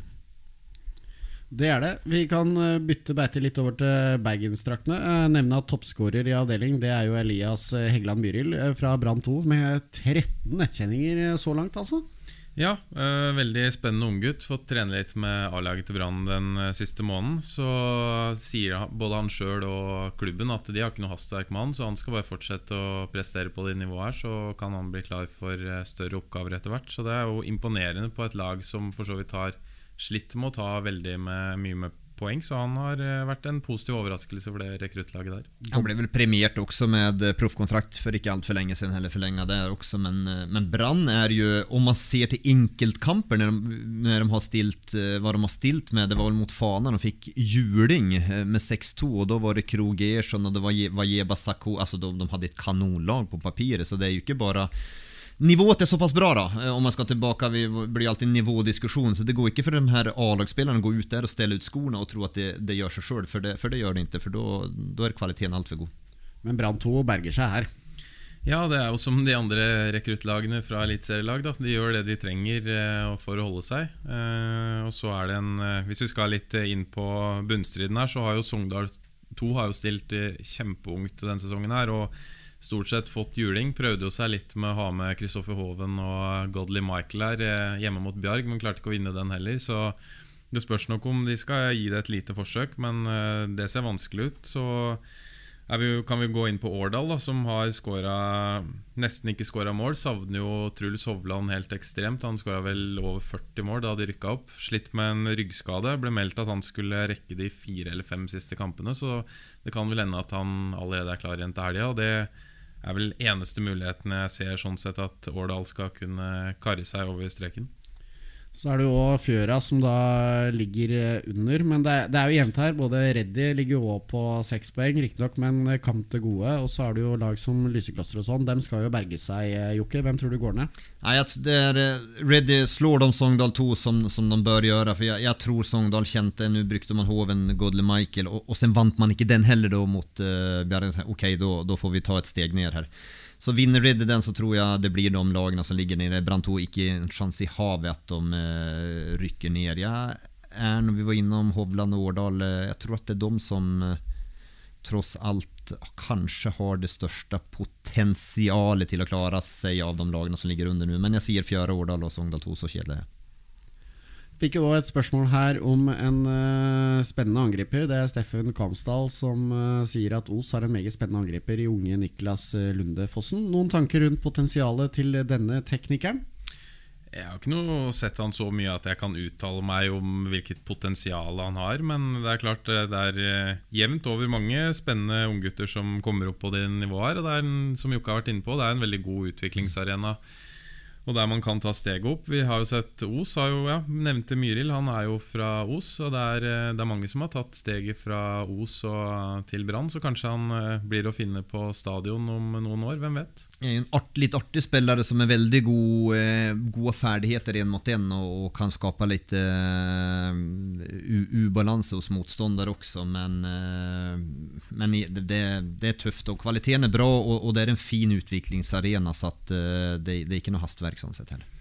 Jeg må jo arrestere deg en gang til, Anders. Da, for det er jo, ser jo Bjarg jo, hadde jo høyest odds her eh, før eh, sesongstart, men har jo så langt karret til seg eh, 16 poeng og en eh, fjerdeplass. Hva er det som overraska deg mest med dem? Ja, Det er bra du dro dem opp, for hvis ikke måtte jeg dratt dem opp sjøl. For det er min soleklare mest positive overraskelse i avdelingen. Og hvis du tar klubben som helhet, så er det kanskje det mest eh, positive innslaget som har vært i i alle avdelinger. Fordi at det er en klubb som virkelig byr på seg sjøl. De er kjempegode i sosiale medier. Masse innhold på Instagram.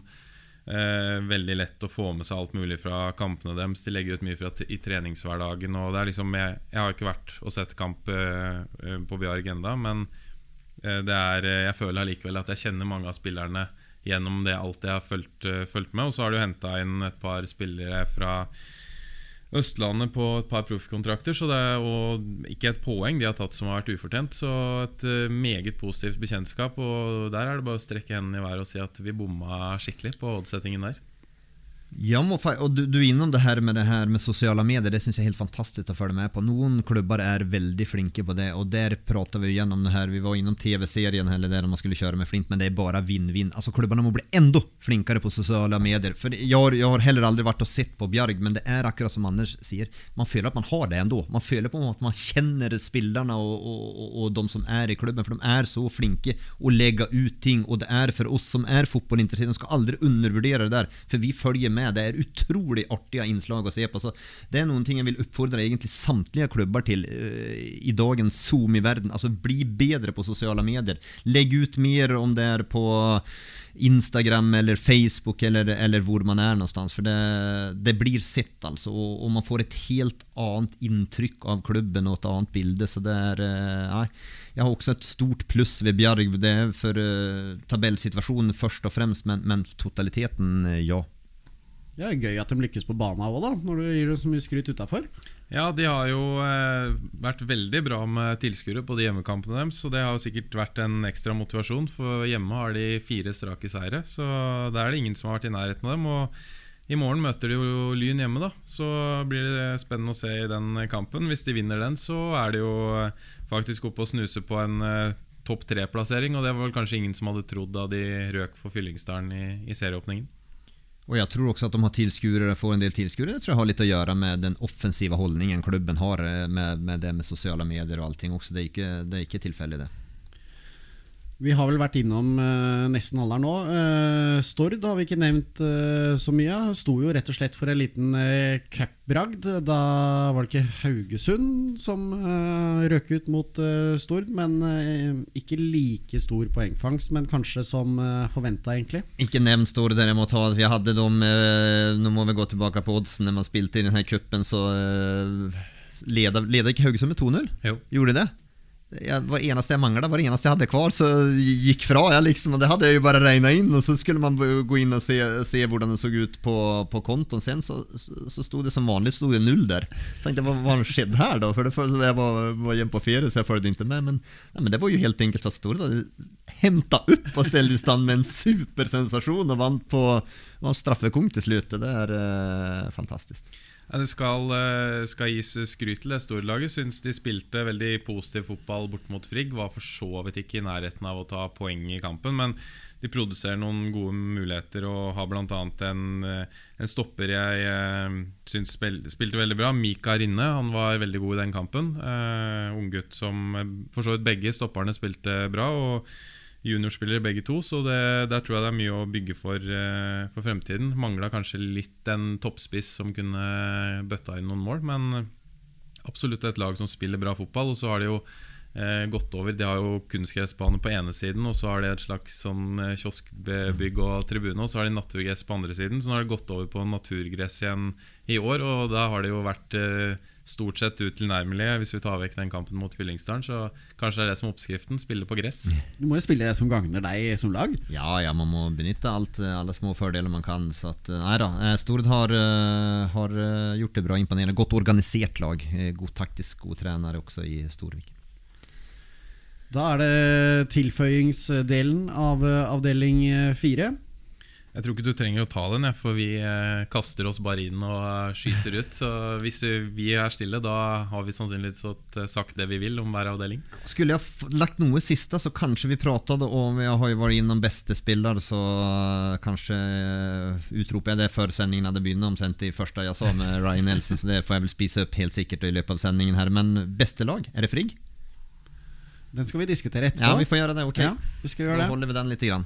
Det spørs hvor mye Det diskusjon var en liten teaser, det der, da. Liten teaser til beste laget på tvers av alle avdelinger. Vi lar det være siste fra avdeling fire. Avdeling fem. Avdeling fem, Trønderavdelinga, med da lag fra Trøndelag og i år også fra Møre og Romsdal. Eh, på tabelltipset til eh, Joakim så sto Byåsen på topp. Det var også dem som hadde lavest odds hos eh, Anders. Men det er eh, ikke Byåsen, for å si det sånn, som har hektet av i opprykkskampen som ligger på topp. Det er nemlig Spjelkavik, som sto til hele 15 i odds uh, før seriestart, Anders? Ja, det er den, det laget som har imponert mest sånn sett, hvis du ser på odds. Det er det laget som leder som har, har hatt høyest odds på tvers av alle avdelinger. Og spilt en god fotball. Også de som spiller på naturgress, da, som er en fordel for de, og levert egentlig jevnt over veldig solid, solid hele sesongen. Og de har eh, for så vidt et ålreit eh, program med tre av fem gjenstående kamper hjemme på naturgresset, så det kan faktisk bli opprykk for Spjelkavik. Spjelkavik er, tør jeg si, at de har den treneren i denne avdelingen som er best til å organisere sine lag. Altså Magnus Oltedal er eh, meget dyktig til, til det, og Spjelkavik er rett og slett, om jeg skal banne litt, et helvete å møte. De er vanskelig å, å, å spille mot. og de har imponerat stort. Jeg hadde dem, eh, jag hade dem höjt, jag hade dem på tredjeplass men jeg trodde ikke at de skulle være så gode at de kunne vippe det til sin fördel. Men, men akkurat nå så tror jeg, med tanke på program og hvordan de har sett ut og den soliditeten, så da holder jeg Spjelkavik som favoritter. Ja, Så det kan gå? Det kan gå. Men uh, Byåsen, du sa vel før du gikk inn her at det var største bommen på tabelltipset ditt? Ja, men det, ja, det, det var den. Og kanskje ble jeg litt preget av uh, ambisjonene innad også, for den var udiskutabel. Det var en klubb som de skulle rette opp. Uh, Erik Selnes ved, ved roret der. De skulle, skulle løfte opp Byåsen et nivå, og på det nivået de mener at de hører hjemme. Og så vil man vel på sikt der være med og utfordre litt. Grann. Alle vil vel være nest beste i, i Trøndelag der. Men eh, de har vært direkte skuffende. Jeg syns ikke de har levert noen god fotball og slitt veldig med sluttproduktet og, og, og skåre mål og, og, avgjøre kamper. Så eh, det er en av de største skuffelsene i hele tredje divisjon. Regner med du følger? Ja, altså nivået, eller Toppnivået i Byåsen er bra. Det er det eneste laget som har slått uh, Spjelkavik uh, den sesongen. her så, Og det var en kamp de vant meget fortjent. Vant 1-0 i uh, Ålesund. Så potensialet er der, men hvis vi ser liksom litt historisk, da, de to siste gangene de har vært oppe på nivå tre, så har de vært eh, klink ned igjen begge gangene. Så de har liksom vært sånn mellom nivå tre, to, eh, nivå tre og fire i, i, flere sesonger. Og i år blir de jo værende. Eh, så det er kanskje et lag som må bygge seg litt opp igjen. Men eh, hvis du ser mann for mann, så har de jo på en måte nok kvalitet til å være med i toppen av avdelingen. Så veldig skuffende at de har gjort det såpass eh, svakt som de har gjort. Strindheim og Treff er jo blant lagene som har heng på Spjelkavik. Og det var jo Geir Petterson som har spurt på Twitter. Har dere noe tro på at eh, Treff kan rykke opp? Eh, mitt korte svar blir nei. Jeg tror ikke at eh, Treff er også et eh, ekkelt lag og, og, og, og tungt lag å spille mot, men eh, litt historisk kanskje da At de har vært, vært veldig er, er tøffe ekle å spille mot, men det er kanskje litt historie som ligger bak der. For man var vel enda mer, spilte vel enda mer kynisk fysisk tidligere. Nå har man lagt om litt, grann, er mer lettbent, eh, spiller en, en, en, bedre form for fotball, men er fortsatt eh, godt strukturert og, og vanskelig å møte. Jeg, jeg syns ikke at de har toppnivå nok til å rykke opp, men eh, jeg får jo håpe for han spørsmålsstilleren her at jeg tar feil. Maktar Tion på benken. Og skulle tro det var god nok til å rykke opp, men ja, kanskje for noen år siden så hadde det hørtes bedre ut. Ja, da må du 15 år tilbake i tid, men uh, ja, Maktar Tion uh, det, nei, Han er vel omtrent på alder med meg, så det skal godt gjøres. Det var hyggelig av deg å ikke nevne hvor jeg hadde plassert eh, treff på tabellen før du leste det opp. Så Det var jo uh, veldig langt ned. Ja, Se der, ja. 50 odds og nest sist, ja.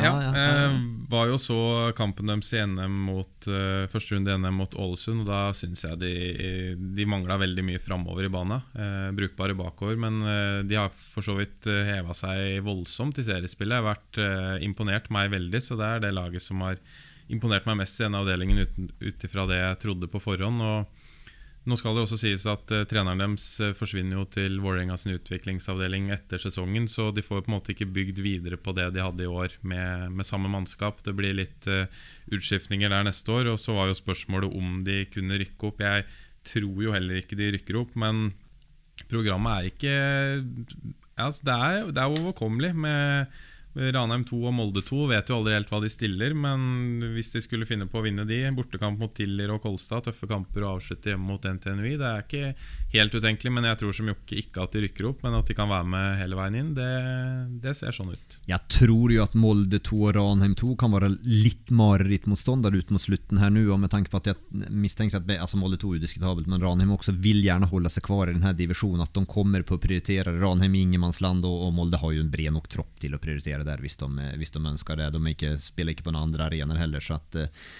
jeg, jeg, tror mot de lagene tror jeg ikke jeg, jeg, tror man kommer til å tape mot dem, for rett og slett for man har ikke kvalitet nok til å, til å slå dem. Vi kan jo se på bunnstriden med en gang. Det er jo da Østerdalens representant eh, Tynset som ligger eh, helt i bånn med stusslige tre poeng. Og så er det Melhus og Ranheim 2 som da nevnt her ligger under streken foreløpig. Er de to førstnevnte her er de fortapte, Anders? Tynset er fortapt. Det var uh, sisteplass uh, hos meg før sesongen, og de er uh, rett og slett ikke gode nok. Har gjort noen av de hjemmekampene spennende, men borte har det stort sett vært total overkjøring fra motstanderne. Det er vanskelig å drive en klubb på en måte midt i ingenmannsland, i hermetegn, som Tynset ligger i. Langt fra, Det er jo et par timer fra Trondheim, så det er jo du får liksom ikke folk til å flytte til Tynset kun for å spille fotball. Da. Det må være noe mer. Som eh, Adrian Møller, keeperen som har eh, U-landskamper, som flytta dit pga. at han hadde kjæreste derfra. Det er sånn, eh, men klart det er vanskelig å, å få hanka inn fem mann sånn. Så har vi Melhus. De har for så vidt vært med i, mange kamper, men det har vært sånn litt mye nesten for det laget. Eh, har jo enkeltkamper slått Strindheim ikke sant? og uavgjort mot Byåsen. Så det er jo et lag som har noe i seg, men det begynner å bli en, en liten vei opp. Og som Jokke var inne på, Molde 2 og Ranheim 2 er lagene foran på tabellen. Da, da, spøker det for dem. Så det blir jo litt kjedelig å sende de som ligger bånd to 2 ned hver gang. Men eh, jeg ser liksom ikke helt at Melhus eh, plutselig skal vinne tre på rad. Ah, jeg det blir ju, jag hade ju med lust, det ska sägas, att jag hade dem på en tionde plats för och trodde att de, de skulle klara sig kvar. Men, eh, och, och, och igen Anders inom det, kvaliteten har de vist i enkeltkamper också, men är lite för ujämn. Och det, de har väl en hängekamp mot Volda og den blir jo totalt avgjørende. Eh, det er jo Enten så er jo Volda borte fra dem, eller også så er man jo ryggen på dem hvis man skulle, hvis man skulle slå dem. Så at, eh, jeg, jeg vil ikke helt, Tynset helt, glem dem. Så vil jeg ikke helt regne ut eh, Mellus ändå just på den hengekampen mot Volda. og uh, NTNUI, ja det er jo riktignok en, en, en gave at det ikke var noen kamper som spiltes i skoleferien i, i år der, uten at det vinner bærsesongen, så det kan vel være redningen da. men jeg tror de får det tøft til slutt også. Men det skal jo også sies da at Melhus har jo igjen en hjemmekamp mot Tynset og en bortekamp mot NTNUI annet, så de har det jo på en måte i egne hender fortsatt. Hvis de, de vinner de og har Orkla nå den helga her, så det er absolutt muligheter for Melhus å holde seg, men det er klart når de har eh, tatt såpass få poeng så langt, så er det liksom vanskelig å se at de plutselig da skal gå på en, en streak med tre-fire seire på rad. Kanskje kommer det noen poeng til Jeg er stolt-banen på Melhus, men NTNUI, som hun heter, Jokke, du hadde dem eh, helt sist, så det er jo klart du må si at de går ned til slutt her. Ja, jeg må gjøre det. Jeg hadde vel, eh, burde vel kanskje hatt den litt høyere opp da når serien kom i gang i høsten. Hadde det ikke vært for covid, så hadde den rykka ned det kan bli redningen deres at det blir sen, sen seriestart. Nei, men eh, det er vel en eh, det, De har jo egentlig gjort jevne kamper ut fra de fleste i år og vært med i alle kamper også. Så sånn sett så er det et lag som har, har vist at de kan ta poeng eh, og spilt jevnt med topplagene i enkeltkamper også. Så at det er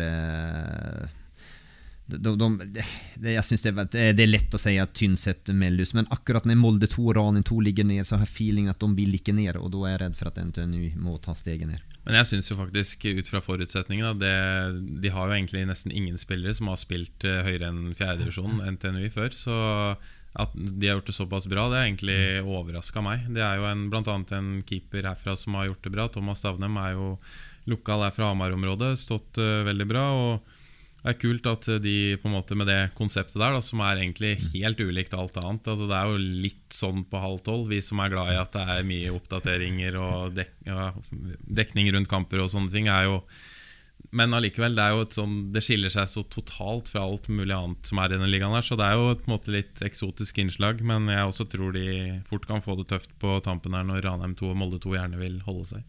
Vi har jo et par eh, andre trøndelag som vi må nevne. Orkla bl.a. Og Tiller med en 17-åring med kapteinspinnet i Fredrik eh, Sjøvold. Begge midt plass, eh, plassert midt på tabellen. Ja, nevnte Sjøvold er jo en veldig spennende ung gutt. 17 år, som du sier, og kaptein. Da vet du jo bare der at det er noe spesielt ved han. Fikk jo kjempemye skryt av Kristiansund etter den cupkampen han spilte der. Eh, god oversikt, rolig med ballen. Ser liksom aldri ut som han, han får dårlig tid. Så han spilte som en eh, rutinert rev i den kampen jeg så dem mot Volda nå nylig. Så han kan absolutt nå langt, han. Men det er jo fint. Eh, altså igjen, da er vi tilbake på det her eh, kamparenaen. Det, det, er en fin utviklingsarena han har eh, der, for nå får han spille. og Han er jo så sentral som kaptein, så vokser man jo på det også. Og, og da går det Nå er det jo mye i, i nærområdet har man jo både Ranheim og for så vidt Blink ikke altfor langt fra heller, liksom, så det er jo der. Men, men eh, da må han gå dit og vite at når han spiller på det her nivået, så må han få spille når han kommer på neste nivå også. Så eh, det er ikke noen superstress for han, men, eh, men, det er klart det er en interessant, uh, interessant spiller. Men får jo fram liksom noen sånne superunggutter, Tiller? Ja, Tiller er et veldig et fint utviklingsmiljø og spiller De spiller god fotball. Og de er jo faktisk for så vidt ikke helt off i opprykksstriden heller. Fem poeng opp til Spjelkavik kan jo kanskje bli litt tøft, men de møtes jo innbyrdes òg, så ikke helt utenkelig at Tiller og Sjøvold skal blande seg inn helt i toppen på tampen av sesongen her. Strindheim har vi ikke vært, eh, vært innom. Når jeg ser på tipset til dere begge, hadde dem jo på topp tre. Og det er jo også riktig der de ligger som nummer to så langt, Jokke. Ja, det, de ligger der jeg forventer og Strindheim kommer på å være med. For meg er, eh, jeg tror det står mellom Strindheim og, og, og Spjelkavik. Og det er jo et uh, Strindheim-lag med en, uh, et godt trent Strindheim-lag. Masse ungdommelig entusiasme, bra forflytningsevne, bra tempo i, i, i laget sitt. Så at uh, Strindheim kommer, Strindheim kommer på å være med. Det er inget lag som jeg tror faller av. Eller de kommer ikke på å falle av heller de siste kampene, heller, heller motsatt. Hvis du tar vekk det arbeidsuhellet med bortetapet mot Melhus for Strindheim, så har de jo egentlig levert helt perfekt med 5-2-0 på de andre sju kampene. Og møter jo også Spjelkavik hjemme da på Ruta Arena neste helg, så de, de, har jo på en måte en, der er de jo favoritter. Så de har absolutt mulighet til å gå opp, og ønsker det jo selv. Og det, det ser bra ut uh, for Strindheim denne sesongen her. Så er det Volda og Kolstad, for å ta kort om de to laga òg. Ja, jeg er egentlig litt skuffa over Volda, eh, i den grad det er lov til å være det, over et nyopprykka lag. Var eh, den kampen mot eh, Kristiansund i, i NM, så får de 2-2 imot helt på tampen. Og der taper de altså, De ryker ut ufortjent. Da. Var de som skapte klart flest sjanser mot et bra Kristiansund-lag. Det var ikke sånn at Kristiansund stilte med fem juniorspillere fra start. Men det var kanskje en kamp som passa de bedre. Har eh, eh, raske spisser som kan true bakrom, og kanskje når det er lag som kommer og legger seg litt lavere, så er det litt vanskeligere for Volda å, å spille det ut. Men de har jo hengt med i alle kampene. Jeg hadde kanskje trodd de skulle være enda nærmere toppstriden da, etter eh, det jeg så av de tidlige sesongen. Vant jo også 3-1 borte mot treff i en treningskamp før sesongstart. Så det er et lag som har potensial i seg. Og så styrer de nok inn til en plass eh, midt på tabellen her, og så får de bygge videre på det til neste år. Ja, Volda, ja man kanskje mulig at man ble litt farga av den cupkampen mot KBK, for da var de jo helt sinnssykt gode. Det var jo, ja, men det var helt vilt. De spilte jo faktisk ut De kontra jo sen KBK i, i, den kampen. Ja, det var 4-0 i store målsjanser ja. før pause, og, var, og den skåringen til han eh, Myklebust, eh, den 1-0-skåringen der han bare blåser den i krysset, var jo på, på stadion der, selvfølgelig, og det var jo ja, det var kanonstemning. Og KBK-fansen sto der og skjønte ingenting. liksom Hva er det vi møter her? Det er, eh, var totalt enveiskjøring. Men ja, det er som Jokke sier. Vi ble kanskje litt finta ut at de leverte så bra der. Men de er, de har, du, var inn, du, var jo innom det litt, at de har hatt litt vanskeligere å spille ut lag som eh, ligger mer etablert. Och det, det som var mot KBK blev en annen åpnere kamp for dem när de fikk et herlig alltså, kontringsspill og en enorm intensitet i spillet. De har liksom ikke riktig, riktig fått det i, i seriekampen och får ju ändå, så jag har et minus på, på Volda, jag må ju vara så pass ärlig. Det, det har jeg. En av de vinner hängekampen mot, mot Melluse har de har de ikke noe heng på noen ting utan den säsongen det blir en ingenmannsland. Så skal det jo også sies at uh, Volda har en veldig god elver, men de har lite bredde. Og det er jo et, for så vidt et lite sted, så også et sted det er vanskelig å på en måte lokke, seg, lokke spillere til. Det er ikke som i Trondheim og Oslo, der du bare kan hente en som bor borti gata. Så det, bredden i laget er, eh, er egentlig fraværende. Men elveren syns jeg er veldig god. Men, og jeg trodde kanskje at Jeg tippa dem høyt opp litt, du innom det, men jeg trodde kanskje at det skulle være gunstig for dem kun 13 kamper. da At det bare blir én uh, runde. Hadde det blitt en hel sesong over og, og, og doble oppgjør, at uh, det kan bli slitasje på en, uh, på en så tynn stall. Da. Men nei, det er jo bare å strekke armene at man har tatt feil på Volda. Og så var det jo Kolstad du nevnte. Det er jo det er alltid et morsomt lag. Eh, alltid et lag eh, du bør gå og se. Fordi at der er det Toppnivået er så høyt, og bunnivået er så lavt. Du vet aldri hva du får av Kolstad. Når de er på sitt beste, så spiller de så artig fotball. Og så kan det være kamper der det renner inn begge veier. Så det er et eh, kult lag, og de henger jo fortsatt med i toppen. Tror for så vidt ikke at de rykker opp, men de har jo en eh, de, flere av de topplagene her i innspurten har jo bl.a. nå Svelkavik i helga, så med seier der så melder de jo seg faktisk på i opprykkskampen. Og Kolstad er jo altså Du er innom det her toppnivået og individualistene som er så gode. så Kolstad er jo en, eh, en ekkel motstander for topplag altså fra Spjelkavik. De kan absolutt eh, stille stand med, med trøbbel der også. så at, eh, nei, Det er, er, som du sier et artig lag som varierer, varierer fælt. Orkla, var vi gjennom dem nå? Vi var kanskje ikke det? Eller hva vi nevnte vi da. nevnte bare. De har nå fått på plass en pendlerbil fra Trondheim, fikk jeg, fikk jeg høre i går i hvert fall. Ja, Orkla är väl, Men de tror jeg hadde ganske litt ambisjoner internt eh, denne säsongen og så ganske bra ut i, eh, i oppkjøringen, som riktignok har blitt verdens lengste for eh, Norsk Tipping-lagen. De så småpigg ut i en del, eh, del kamper eh, der også, men har fått bekjenne litt farge her nå i serien. Och de lider ju, de har ingen som skårer mål, enkelt og greit. Altså, skåringar är, er, allt för lite, da blir man en middelhavsvarer. Da runder vi av fra avdeling fem og hopper videre til den siste avdelinga. Avdeling 6. Avdeling 6, avdelingen med lengst eh, reisevei. For det er eh, Oslo, Troms og Finnmark og Nordland som eh, er representert i denne avdelinga. Og på topp der finner vi ubeseira Ullern. Som jo var favoritt hos Anders. Klokkeklar favoritt. Jokke også helt enig med dem som uh, nummer én. Vi kan rett og slett uh, begynne med Ullern, som da har uh, levert som forventet. da er det lov å være skuffa over et lag? Ja, men vet du, jeg tenkte si det samme. For jeg tenkte, Nå tenkte jeg, nå skal jeg ta ordet faktisk her nå. For jeg tenkte, Så skal jeg sette standarden og si at de har jo faktisk skuffa med Ullern, og at Anders var helt uenig, men de var jo på samme linje der også. Det sjuka er jo at Ullern har 6-2-0. Det her er den dårligste avdelingen, bare så det er sagt. Eh, kvalitetsmessig, mener jeg. Eh, det sjuka er jo at jeg syns at Ullern har skuffa i mange enkeltkamper, men, men, det er jo en styrke, og man har klart å vippe dem til sin fordel. Det skal jo sies. Men, men Ullen, ut den her, det er jo en eh, mix. De har en bra mix med unge, erfarne spillere. Man har stor bredde i troppen, man tåler skader. Alt, alt lå til rette, og, og, det er klart det, det, blir, det er jo hardt å arrestere dem når de leder med fire poeng. Eh, Uh, og det er fem kamper kvar å spille. Men, men spille, spillemessig Nei. de, og vet du, Spør man dem sjøl, så tror jeg de sier det samme også. Ja, vi, vi, de, vi, har mye mer å gå på, enda så leder man serien, så det er vel for så vidt en trygghet, det. Men spillemessig så der, for de viste jo igjen blant annet var mot Vålerenga. Ekstraomganger. Ekstraomganger, da var de mm. gode. Mm. Da var de ordentlig gode i den kampen og var fullt på høyde. Så at uh, toppnivået til det å snakke om, men nei, faktisk skuffa litt. Grann. Ja, det var jo det jeg var inne på. Det er uh, de leder med fire poeng. Det utligna jo til 2-2 hjemme mot Skjervøy i fem minutter på overtid. Hadde, hadde ikke den utligninga kommet, så hadde det vært to lag på 18 nå. Mm.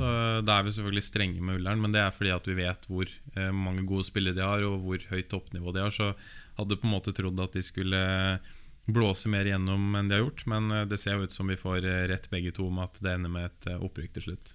Og Skal det ikke være et lag fra Oslo-området som går opp her, så blir det et lag fra nord for de, de neste plassene. Der følger eh, Skjervøy, Junkeren, Tromsø 2, Mjølner, Melbo og, Ran, og Rana før vi får neste lag herfra. Men eh, vi kan begynne med fortsette med en skuffelse.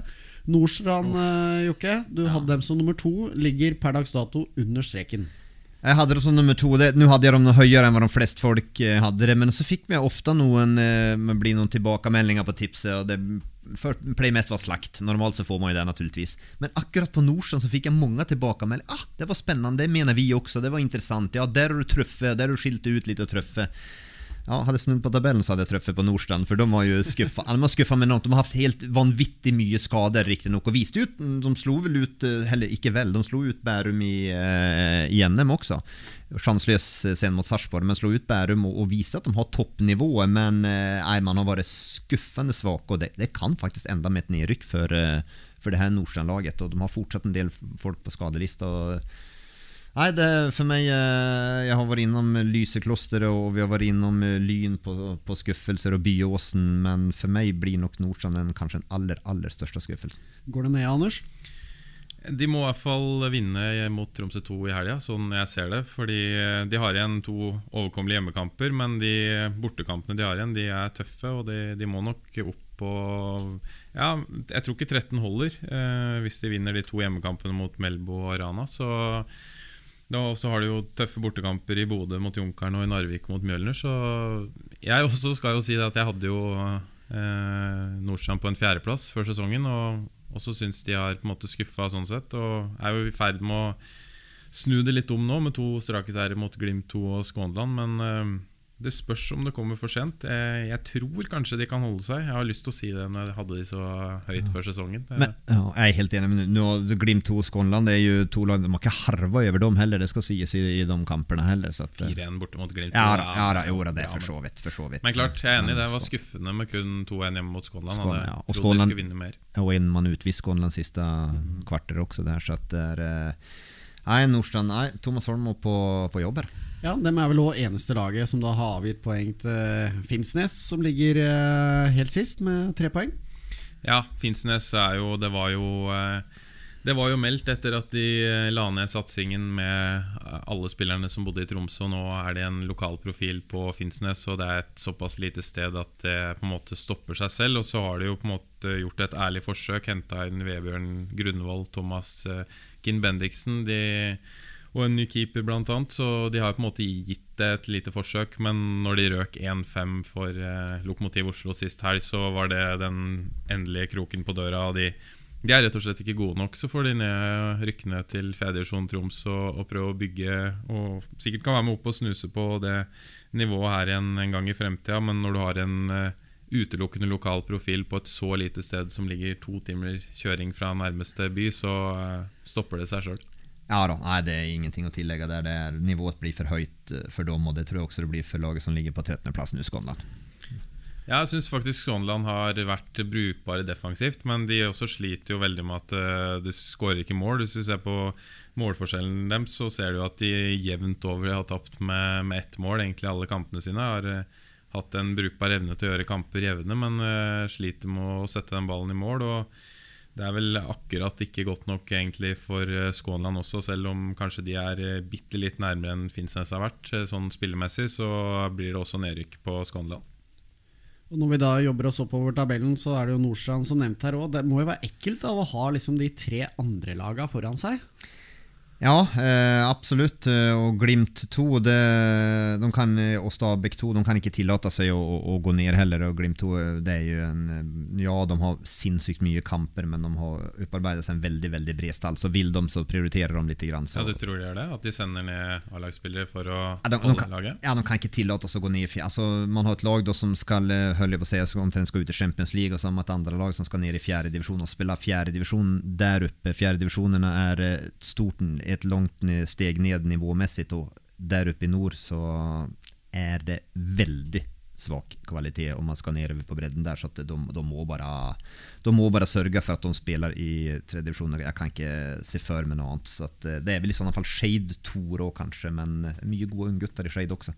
Ja, det Skeid 2-laget er veldig bra, men jeg tror egentlig Ja, det kan jo selvfølgelig hende Bodø-Glimt slipper ned noen på tampen, men jeg tror litt at de kjører den greia som det egentlig har gjort, med at det er egentlig tilnærma rent juniorlag hele veien. Og så, og så håper de at det holder. Var jo helt knallsterke hjemme da i 2019. Vant vel nesten alle hjemmekampene sine. Så har det vært litt Det tapet mot Nordsjø nå ødela kanskje de planene de hadde for resten av sesongen. For de har jo Skeid 2 til helga, så spørs det da om de skal eh, sende noen av de gutta som skal til Nadderud, bort på Nordre Åsen i stedet. Det er vel, de Kampene går jo samtidig, så det er liksom eh, litt begrensa når det er sånn eh, lang reisevei om hva de får stilt. Så kommer de sikkert til å køle på litt i de gjenværende kampene. Annet et minislag om Nord-Norge der borte mot Tromsø 2. Der kan de jo sikkert sende opp et par mann for å holde seg. Så det er ekkelt for Nordstrand å ha rekruttlag foran seg sånn. Og så har de jo i hermetegn bare fire poeng opp til Lokomotiv Oslo og fem poeng til Rana. Da. Rana som for så vidt fortjener skryt, som har uh, levert langt over det jeg trodde de skulle levere. Jeg var uh, egentlig ganske sikker på at de skulle kjempe om Erik og nå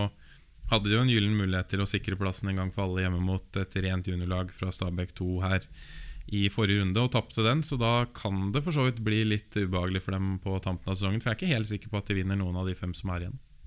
Rana-lag som leverte vel Viste vel gode tegn. Og Glimt i, i NM også. Jeg har holdt unna Ja. en omgang der. Ja, og det er jo ikke alle som elitelag som gjør det heller, eh, mot Glimt. Nei, nu, NM er NM, men eh, ja, jeg hadde vel Rana Ja, jeg hadde dem på niende, så det er vel litt, litt i rundt der. Ja, Lokomotiv Oslo har du spot on eh, akkurat nå. Ja, de eh, har jeg på åttendeplass, eh, men to Ja, vi prater om at det er mange unge gutter som trener i, i norsk fotball, men er det noen yngre enn trenerduoen i Lokomotiv Oslo? Det er vel snittalder på 22,5, eh, holder jeg på å si der, så det er to godt unge, skolerte eh, gutter. eh, Ja, men de syns jeg har organisert eh, De har et godt, godt organisert lag, Lokomotiv, og, og, og, og gjør jevne kamper mot alle. og Det, det ser vi. De har jo bare sluppet inn elleve mål. Det er jo Skjervøy, som også er veldig godt organisert, kommer det senere på andreplass. Ja, det blir en kamp midt på tabellen, og det tror jeg de er, er fornøyde med. De har jo også igjen en hjemmekamp mot Skånland som de blir ganske store favoritter i, så de skal jo sånn sett ikke blande seg inn i noen nedrykksstrid. Og så er jeg helt enig med Jokka at Lokomotiv Oslo har vært et lag som de henter trenere fra, som er utdanna fra Idrettshøgskolen. Og egentlig vært veldig gode på å organisere seg og spilt jevne målfattige kamper egentlig alle årene Det har vært på nivå fire. Og har liksom blitt en klubb som har, på en måte hører hjemme her nå. Da. Selv om det på en måte starta mer som en sånn kompisgjeng fra Sunnmøre, så har det på en måte blitt en en klubb som er flinke da, i, i Oslo til å, å få gode spillere til å begynne hos seg. Ja. det, ja, og det er jo bra, for det er jo, det er jo ingen Man prater at det betales jo litt og så i klubber. Det er jo ikke noen eh, Det er vel ikke det største budsjettet, antar jeg, Lokomotiv eh, Oslo. De eh, får være glade når de får bananer med seg på borteturene. Så at det er, eh, men det er imponerende det de har fått til. Hvis vi beveger oss eh, oppover, også eh, på norgeskartet, altså Melbo og Mjølner eh, Kan ta de først, før vi går på topplagene, sånn det står seg nå.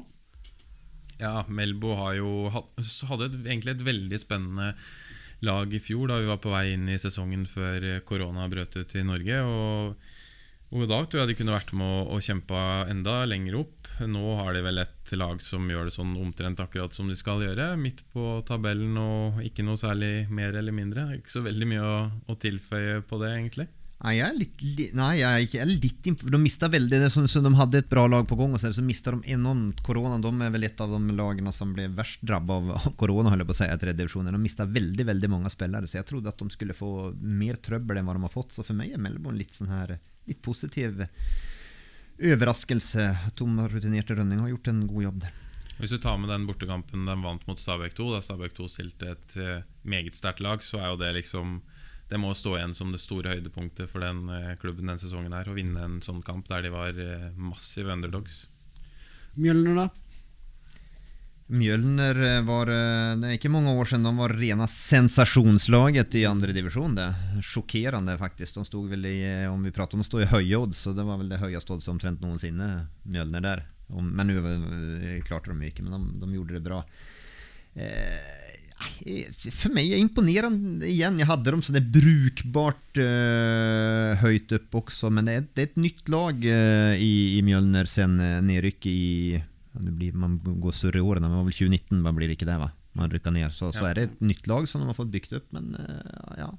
Har, har klart det, og for meg imponerer litt grann på meg. Mjølner er, en, er en pluss, et plusslag i denne divisjonen. Hos deg må det være andre enden, da, Anders. For du hadde med som nestfavoritt bak Ullern, du. Ja, det er en klubb som har, har bra med penger. De henter ut folk utenfra, men det viser vel kanskje litt hvor skoen trykker når de får keeperen sin utvist hjemme mot Melbo og må sette en utespiller i mål, for de har ingen reservekeeper. Og så er det jo bortekamp mot Rana helga etter, og da får de eh, gjort en tidligere Mosjøen-keeper eh, spilleklar, så han kan stå. Så, så det er liksom Det er litt enkelte ting som er på halv tolv. Men jeg hadde egentlig forventa litt mer av dem. Og så har de jo vært veldig uheldige med skader og henta bl.a. en engelsk eh, stopper som slitt, har slitt med skuldra hele sesongen og vært ute. Så når de har et toppa lag, så det, hadde de Si de hadde vunnet én kamp til, da, så hadde de jo vært med inn for å kjempe om opprykket her. Så det, det er jo seks poeng bak, så det er, ikke, det er ikke veldig mye om å gjøre for Mjølner, men det er akkurat ikke godt nok. Mjølner er ikke der Ladenmäki spiller de hemtant. Fredrikstad har kommet kom til FFK. Bonebreaker kaller de da. Det er den svakeste spilleren som har vært i FFK omtrent noensinne. Men eh, det, han gjør jobben sin på S1. Han skårer mål for Mjølner og gjør, gjør jobben sin der. Det er jo et annet nivå også, naturligvis. Junkeren, da? Smitter eh, Bodø-Glimts suksess noe over på bykollegaen? Ja, for meg har Junkeren eh, gjort det som litt grann som forventet. Herlig offensiv og mestrer både kontringsspill, men klarer å styre kampene sjøl mot etablert. Og Junkeren har vært god, og de uh, syns jeg viste vel mot Glimt om også at de har et bra, bra toppnivå i seg. Så at, eh, litt som forventa for meg er her Junkeren-laget. Ja, det er jo litt som eh, Kolstad i Trondheim. Junkeren er jo et veldig høyt toppnivå og et ditto lavt bunnivå. Kan slå absolutt alle og ta opp fra absolutt alle. Hvis vi ser på tallene deres denne sesongen, her så har de vunnet alle fire bortekampene. Og hjemme så har de ikke vunnet en eneste kamp. Det er sånn jeg føler litt Junkeren har. Eh, Den sesongen de finner toppnivået sitt eh, i de fleste kampene, så er det klink opprykk. Det mener jeg at den offensiven er såpass god at det er jo selvfølgelig fint for dem at Glimt gjør det såpass bra. For de lokale ungguttene som da ikke er gode nok for å ta steget opp i, i Glimt, som fortsatt vil satse litt, går til Junkeren. Så eh, de har jo vært og snust på opprykk til Post Nord-ligaen flere ganger nå. Og det skal ikke se bort fra at eh, en eller annen gang så ender de med å rykke opp. Ja, det, og det er jo innom det, ju bedre Glimt blir, ju bedre blir Junkeren. Eh, egentlig, for Jo bredere tropp de får, jo vanskeligere og trangere nåløye blir å komme inn i det der A-laget til Glimt som det faktisk er nå. Så, så vil jo, de er jo en del Glimt, tidligere Glimt-juniorer som er gode, som er der nå også. Så at, eh, jeg, jeg sier som som deg der, Anders, at eh, Junkeren kommer, eh, kan fort rykke opp dem og være en av favorittene i sesongen 2022. Og så må det jo også sies det at eh, i år så er de jo tilbake og spiller hjemmekampene sine på Stordalen kunstgress. De har jo spilt i Nordlandshallen i noen sesonger nå, for det kunstgresset der ute i Stordalen er jo eh, ikke all verdens. Men eh, det er kult at de er tilbake på, på egen bane, og det, det gjør noe med, med hele klubben at man kan spille hjemmekamper. Samme som Kråkerøy, som er tilbake på egen bane i år. Det, det gjør noe for hele klubben enn at man skal ut på en sånn lånebane. Og så er det Dere sa jo begge at dere var skuffa over Ullern, da, så da er det vel ganske greit å si at det er Ullern som går opp fra denne avdelinga. Ja, det blir jo det. Det er jo Skjervøy som er Men det er jo igjen da, det er jo fem minutter på overtid i den kampen, og et Skjervøy-lag som hadde vært med hele veien med Bård Flovik, det, det er jo prata mye om lag som er vanskelig å spille mot, men er det noen som strukturerer lagene, så er det jo blå, Bård Flovik, og sen kanskje, kanskje kan bli litt kjedelig no, noen ganger. Få skårede, få innslupne mål, men eh, at de vil eh, vill vara med. Och sen har de ju, höll jag på att säga, Örjan Skallebø som har varit en uh, målskårare i, i en årrekke där också som kan vara med och vippa kamper. Men, men Ullen, Ullen har det bästa laget, Ullen går upp och Skjervøy blir, uh, blir uh, nummer två. Det tror jag kanske är, uh, är det bästa också för avdelingen. Ja, Det er jo helt naturstridig at eh, Skjervøy egentlig skal Ja, ja. så bra. Det er jo Flesteparten av spillerne bor jo i Tromsø og kjører opp når det er kamp. Og det er jo ca. fire timer med bil da, fra Tromsø til eh, Skjervøy. Så at de gjør det såpass bra, er jo egentlig bare helt sjukt kult. Og så ser vi det er fire poeng bak Ullern. Eh, Tapte jo serieåpninga 0-2 hjemme for eh, TIL 2. Det vel, er vel kanskje det som står igjen som den eh, største skuffelsen for dem den sesongen. For en seier der så hadde de jo vært eh, helt med. Og, men de røk jo også 1-5 borte for Skeid 2 nylig, så et topplag eh, på det nivået her, det er de. Og så eh, noe Post Nord-ligalag er de ikke per dags dato, i hvert fall.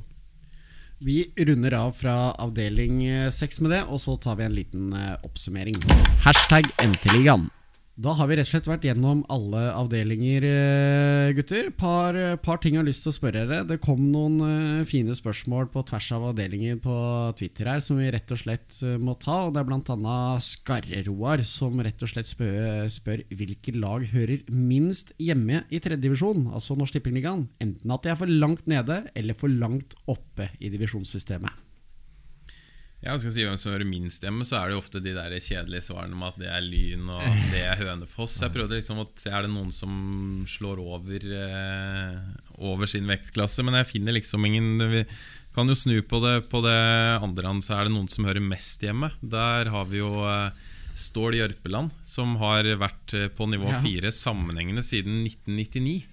Og hvis, vi får rett i, hvis jeg får rett i det sesongtipset jeg hadde før sesongen, så rykker de jo opp. Men det er jo en prestasjon å klare å legge seg på det nivået her når du har så mange omveltninger som det har vært eh, siden 99. Så det må vel si at det er dem som hører eh, mest hjemme. Og så får vi da være litt eh, tradisjonelle og si at det er store klubber som Lyn og Hønefoss som hører minst hjemme her, da. Ja, det, det er kjedelig, altså. Jeg ser og tenkte på det der også. Det blir utrolig kjedelig å svare Lyn, men det, det, man må svare Lyn enda Altså. For meg så skiller de seg Det blir liksom det krystallklare. De, man husker Lyn på starten av 2000-tallet, når man var med Faktisk slåss om, slåss om gull. Det var vel var det 04 eller eh, 05 kanskje det var. Så man var nære å slåss om, om gull. Det kom litt uh så, at, så Lyn blir, blir, det, blir det klare laget der. Eh, kjedelig, men, men sånn er det. Du overgår vel ikke Stål og sammenhengene siden 1999 på hvem som hører mest hjemme der? Eller? Nei, det går jo ikke det heller. Det blir jo statistikken. Jeg kan ikke si noe annet der heller, for da er det lett å slå om på fingrene. Og så til det vi tisa på om så vidt eh, tidligere, da, for det er eh, undertegnede, altså alfakrøll undertegnede, ikke jeg, som spør eh, dårligste og beste lag i Norsk Tippeligaen. Da begynner vi med beste. Jeg tror vi har en enighet, men jeg lar du få ordet først, Jokke. Ja, takk for det. Da sier jeg Frigg. Ja, det er ikke så mye mer å tilføye der. Eh, jeg var og så serieåpninga mot Fana, og de vant 6-1, så tenkte jeg bare Jeg hadde jo hørt, jeg ser jo på spillerne som spiller her, at ja, det her er bra, men det skal jo på en måte fungere som et kollektiv òg. Det var bare total overkjøring. Kunne skåra det dobbelte, ikke sant. Så det, og den kampen som Jokke prata om i stad mot Reddy, det er jo også total enveiskjøring og meget ufortjent at de ikke vinner. Så potensielt et lag som vinner alle kampene sine denne sesongen her. Og de slipper jo nesten ikke en mål heller. En så bra offensiv går jo ofte på bekostning av det defensive litt, men det er klink beste lag i eh, tredjedivisjon. Hvem er nærmest, da? Ja, hvem er nærmest? Som sagt, eh, det er jammen ikke noe enkelt eh, spørsmål hvilket lag som er nærmest. Jeg syns at Frigg skiller seg, eh, skiller seg ut, ja. Eh, kanskje blir blir kjedelig å svare Gjøvik Lyn, som har vunnet alle åtte. Eller kjedelig og kjedelig, de har jo gode resultater. Det, hadde jo vært, det beste hadde jo vært om man kunne sagt Fyllingsdalen. som beste. Det, det, det gjør jeg ikke, men, eh, men jeg tenker Fyllingsdalen kan altså gå gjennom hele sesongen med ett eneste tap og ryke opprykket på det. Nå har jo Frigg noen. Frigg har vel Lyn kvar, har de ikke det? Jo, og Lysekloster. Ja, så det er jo ekle kamper det, for Lyn og Lysekloster har jo toppnivå tross alt, som kan være med og, og forstyrre Frigg. Men, men nå sporer jeg av her. Eh, ja, men da sier jeg eh, ja, Jeg er jævlig kjedelig, da. Altså. Jeg tror jeg sier Gjøvik Lyn ennå, ja. Jeg kan uh, spille inn Eik Tønsberg, da. Jeg tror det, For de er såpass solide at jeg tror det hadde blitt en ganske jevn kamp. Men uh, Gjøviklin er også et uh, godt bud. Der tror jeg det hadde blitt øh, 3-2-seier til Frigg. Da går vi til andre enden av skalaen. da Hvilke lag er rett og slett uh, dårligst? Det er vel fare for at vi er samstemte uh, her òg. Ja, jeg har jo sagt at eh, Jeg har jo sagt åsiden allerede. Altså, jeg kan ikke gå vekk fra dem. De har sett forferdelige ut. Det hadde ikke vært for sist kamp mot, uh, mot Flint, der de faktisk, den, den kampen kunne de ha tatt poeng i. Så har de, synes jeg, de har vært, ja, vært helt frykt. De har vært så langt ifra alle kamper også. Så helt, eh, ja, de har vært helt eh, har vært ræva på godt norsk. Skal ikke jeg forsvare Åsia på noe som helst vis, men øh, vi har jo prata på at det er en knalltøff avdeling. da Så hvis de hadde vært i en av de andre avdelingene, så kan det jo faktisk hende at de hadde vunnet én eller to av de kampene. Og det er jo noen andre lag som ligger med to og tre poeng i de andre avdelingene. Så man blir jo litt farga av at de har blitt såpass overkjørt. Men jeg tror sånn som hvis eksempelvis eh, Finnsnes eller Sogndal 2, da, som bånder sine avdelinger, hadde vært i avdeling 2, så tror jeg også de hadde stått med null poeng. Så eh, man blir jo litt farga av det, men eh, de har også vært eh, veldig langt unna å ta poeng eh, Åsia, så må vel støtte den. Helt til slutt så har jeg lyst til å ta en liten diskusjon. Du nevnte jo så vidt, eh, var så vidt inne på det, Joakim. Altså, du likte det avdelingsoppsettet sånn som det er nå, med seks, seks avdelinger på det nivået her. Men en pris å betale er jo at uh, nesten en fjerdedel av laga er jo da andre lag. Det blir jo veldig mye mandagskamper, og som vi har vært inne på her òg, de andre laga kan jo stille veldig ulikt fra kamp til kamp og påvirke i den grad. men hva skal vi gjøre med de andre lagene? Hvor bør de være? Hvordan bør, de, det se ut? Ja, den evige debatten. Den evige debatten, Jeg tror aldri vi kommer vekk fra det her. Vi ser jo flere andre länder at uh, det blir jo tatt inn mer og mer andre lag i seriespillet rundt omkring også, så jeg tror heller vi går, vi går ikke fra den ut, utviklingen eller mot den utviklingen man ser rundt uh, faktisk i Europa også. Så at, uh, vi, det, det, er noe sånn. Vi får nå bare innfinne oss med at det er sånn her. Sen hadde vel en ønskesituasjon og drømmesituasjon så hadde de jo spilt i en egen egen serie, de her andre, andre lagene, men det, det, kommer de ikke på å gjøre. Men Det er det her som er blitt nivået nå, for nå er det jo nesten ikke andre lag i Post Nord mer. Nei, det, det, har jo blitt, og det sier jo litt om Det, det gjør jo også, syns jeg Nå er det mange som samler seg her naturligvis i tredje divisjon, men sier litt om, om kvaliteten eh, også i de her, for det er mange andre lag som eh, som jeg syns har stilt bra her i, i årets eh, sesong også, men eh, rett og slett få pryl likevel. Altså, så at det er, eh, og jeg, nå har jeg sett veldig mye av avdeling to, der eh, Strømskog har kommet ungt eh, stort sett. altså. De andre lagene syns jeg har stilt, eh, stilt ganske bra, ja. har, jeg, har jeg opplevd. Så at Det har ikke vært så ujevnt kanskje i år at det har vært at åh, nå var vi heldige å møtte dem her og der. Det vil skje enkeltkamper, men, men ser på generelt, så syns jeg ikke det. Altså, Reglene har jo blitt stramma inn, så det er ikke like stort sprik som det var før. Men allikevel, man kan på en måte ikke nekte en klubb å stille så dårlig som mulig. Lillestrøm 2 stiller eh, rent juniorlag borte mot Gjøviklin for juling. Og så hjemme mot Lørenskog, som da kunne vært en uh, utfordrer i opprykkskampen. Så stiller de med elleve mann fra Asdalen, og da er det vel to av de gutta som spilte mot Gjøviklin. Så det blir veldig ujevnt. Da. Så spørsmålet er vel, sånn som Pål André Helland spilte mot Lørenskog, hvilke utbytte han har av å spille 60 minutter i en sånn kamp. Det, det eh, kunne jo vært en tanke at man kanskje kunne satt en liste med de er A-spillere og kan ikke spille på rekruttlaget, eksempelvis, for å gjøre det jevnere. Ja, da, må man jo heller gjøre noe sånt. Men, men ellers så har det jo blitt just den her endringen at det er vel bare er tre spillere over 22 som, eh, som får spille også. Så, så det har jo gjort men, men, det er klart det er mange gode unggutter i de her eh, avdelingene også. Det, men det må jo være som Anders sier, at man må jo gjøre noen, noen ting med, med regelverket i forhold til at det er kun dem og dem som får spille. Men da er det jo lett at Pål Endre Helland ikke blir noe kamptrening alls på han. da Som det situasjonen faktisk er nå. For nå spiller han jo ikke på A-laget heller, om vi skal ta han som et spesifikt eksempel. Mm. Den evige diskusjonen, ja. uh, som du sa. Jeg vet jo Du kanskje skulle helst sett at det var flere avdelinger her?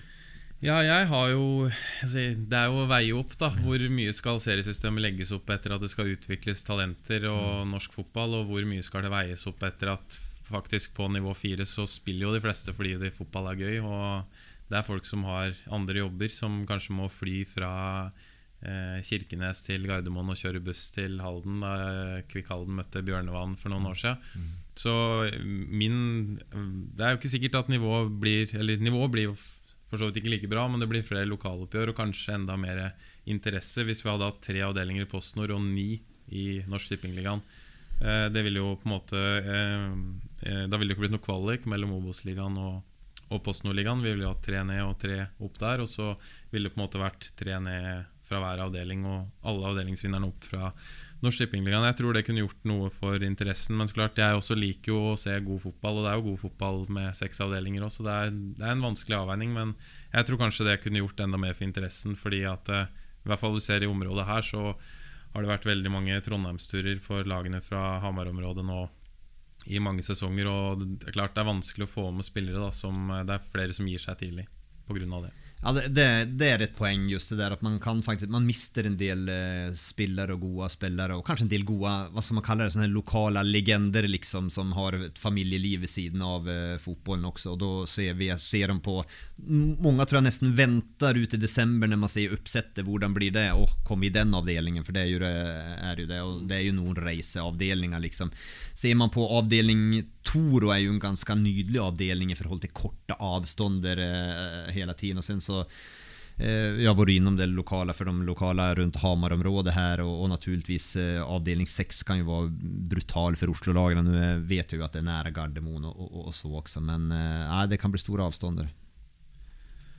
Da tror jeg vi skal runde av for denne gang. Hjertelig takk for besøket, Joakim. Ja, takk for at jeg fikk komme. Det er uh, ingenting som er så morsomt som å diskutere litt breddefotball breddefotboll når man sitter med et orakel som Anders her også, så blir det enda mer uh, interessant. Anders breddeball som vi prøver å døpe han til, men vi får se om vi får det til. Så er vel egentlig oppfordringa kom dere ut på kamp, folkens. Det, det skal vel du i helga, Anders? I helga skal jeg faktisk sitte her på jobb, så da får jeg jo sett enda flere kamper enn jeg er på stadion. Men neste helg er planen en eh, Ja, det er jeg faktisk litt irritert for. Fordi jeg hadde en plan om å se Don eh, klokka ett og Ekspress klokka fire neste helg. Og så har Ekspress flytta kampstart til klokka tre, så da mister jeg jo et eh, kvarter av den ene kampen. Så det var skuffende, men vi tar det vi får.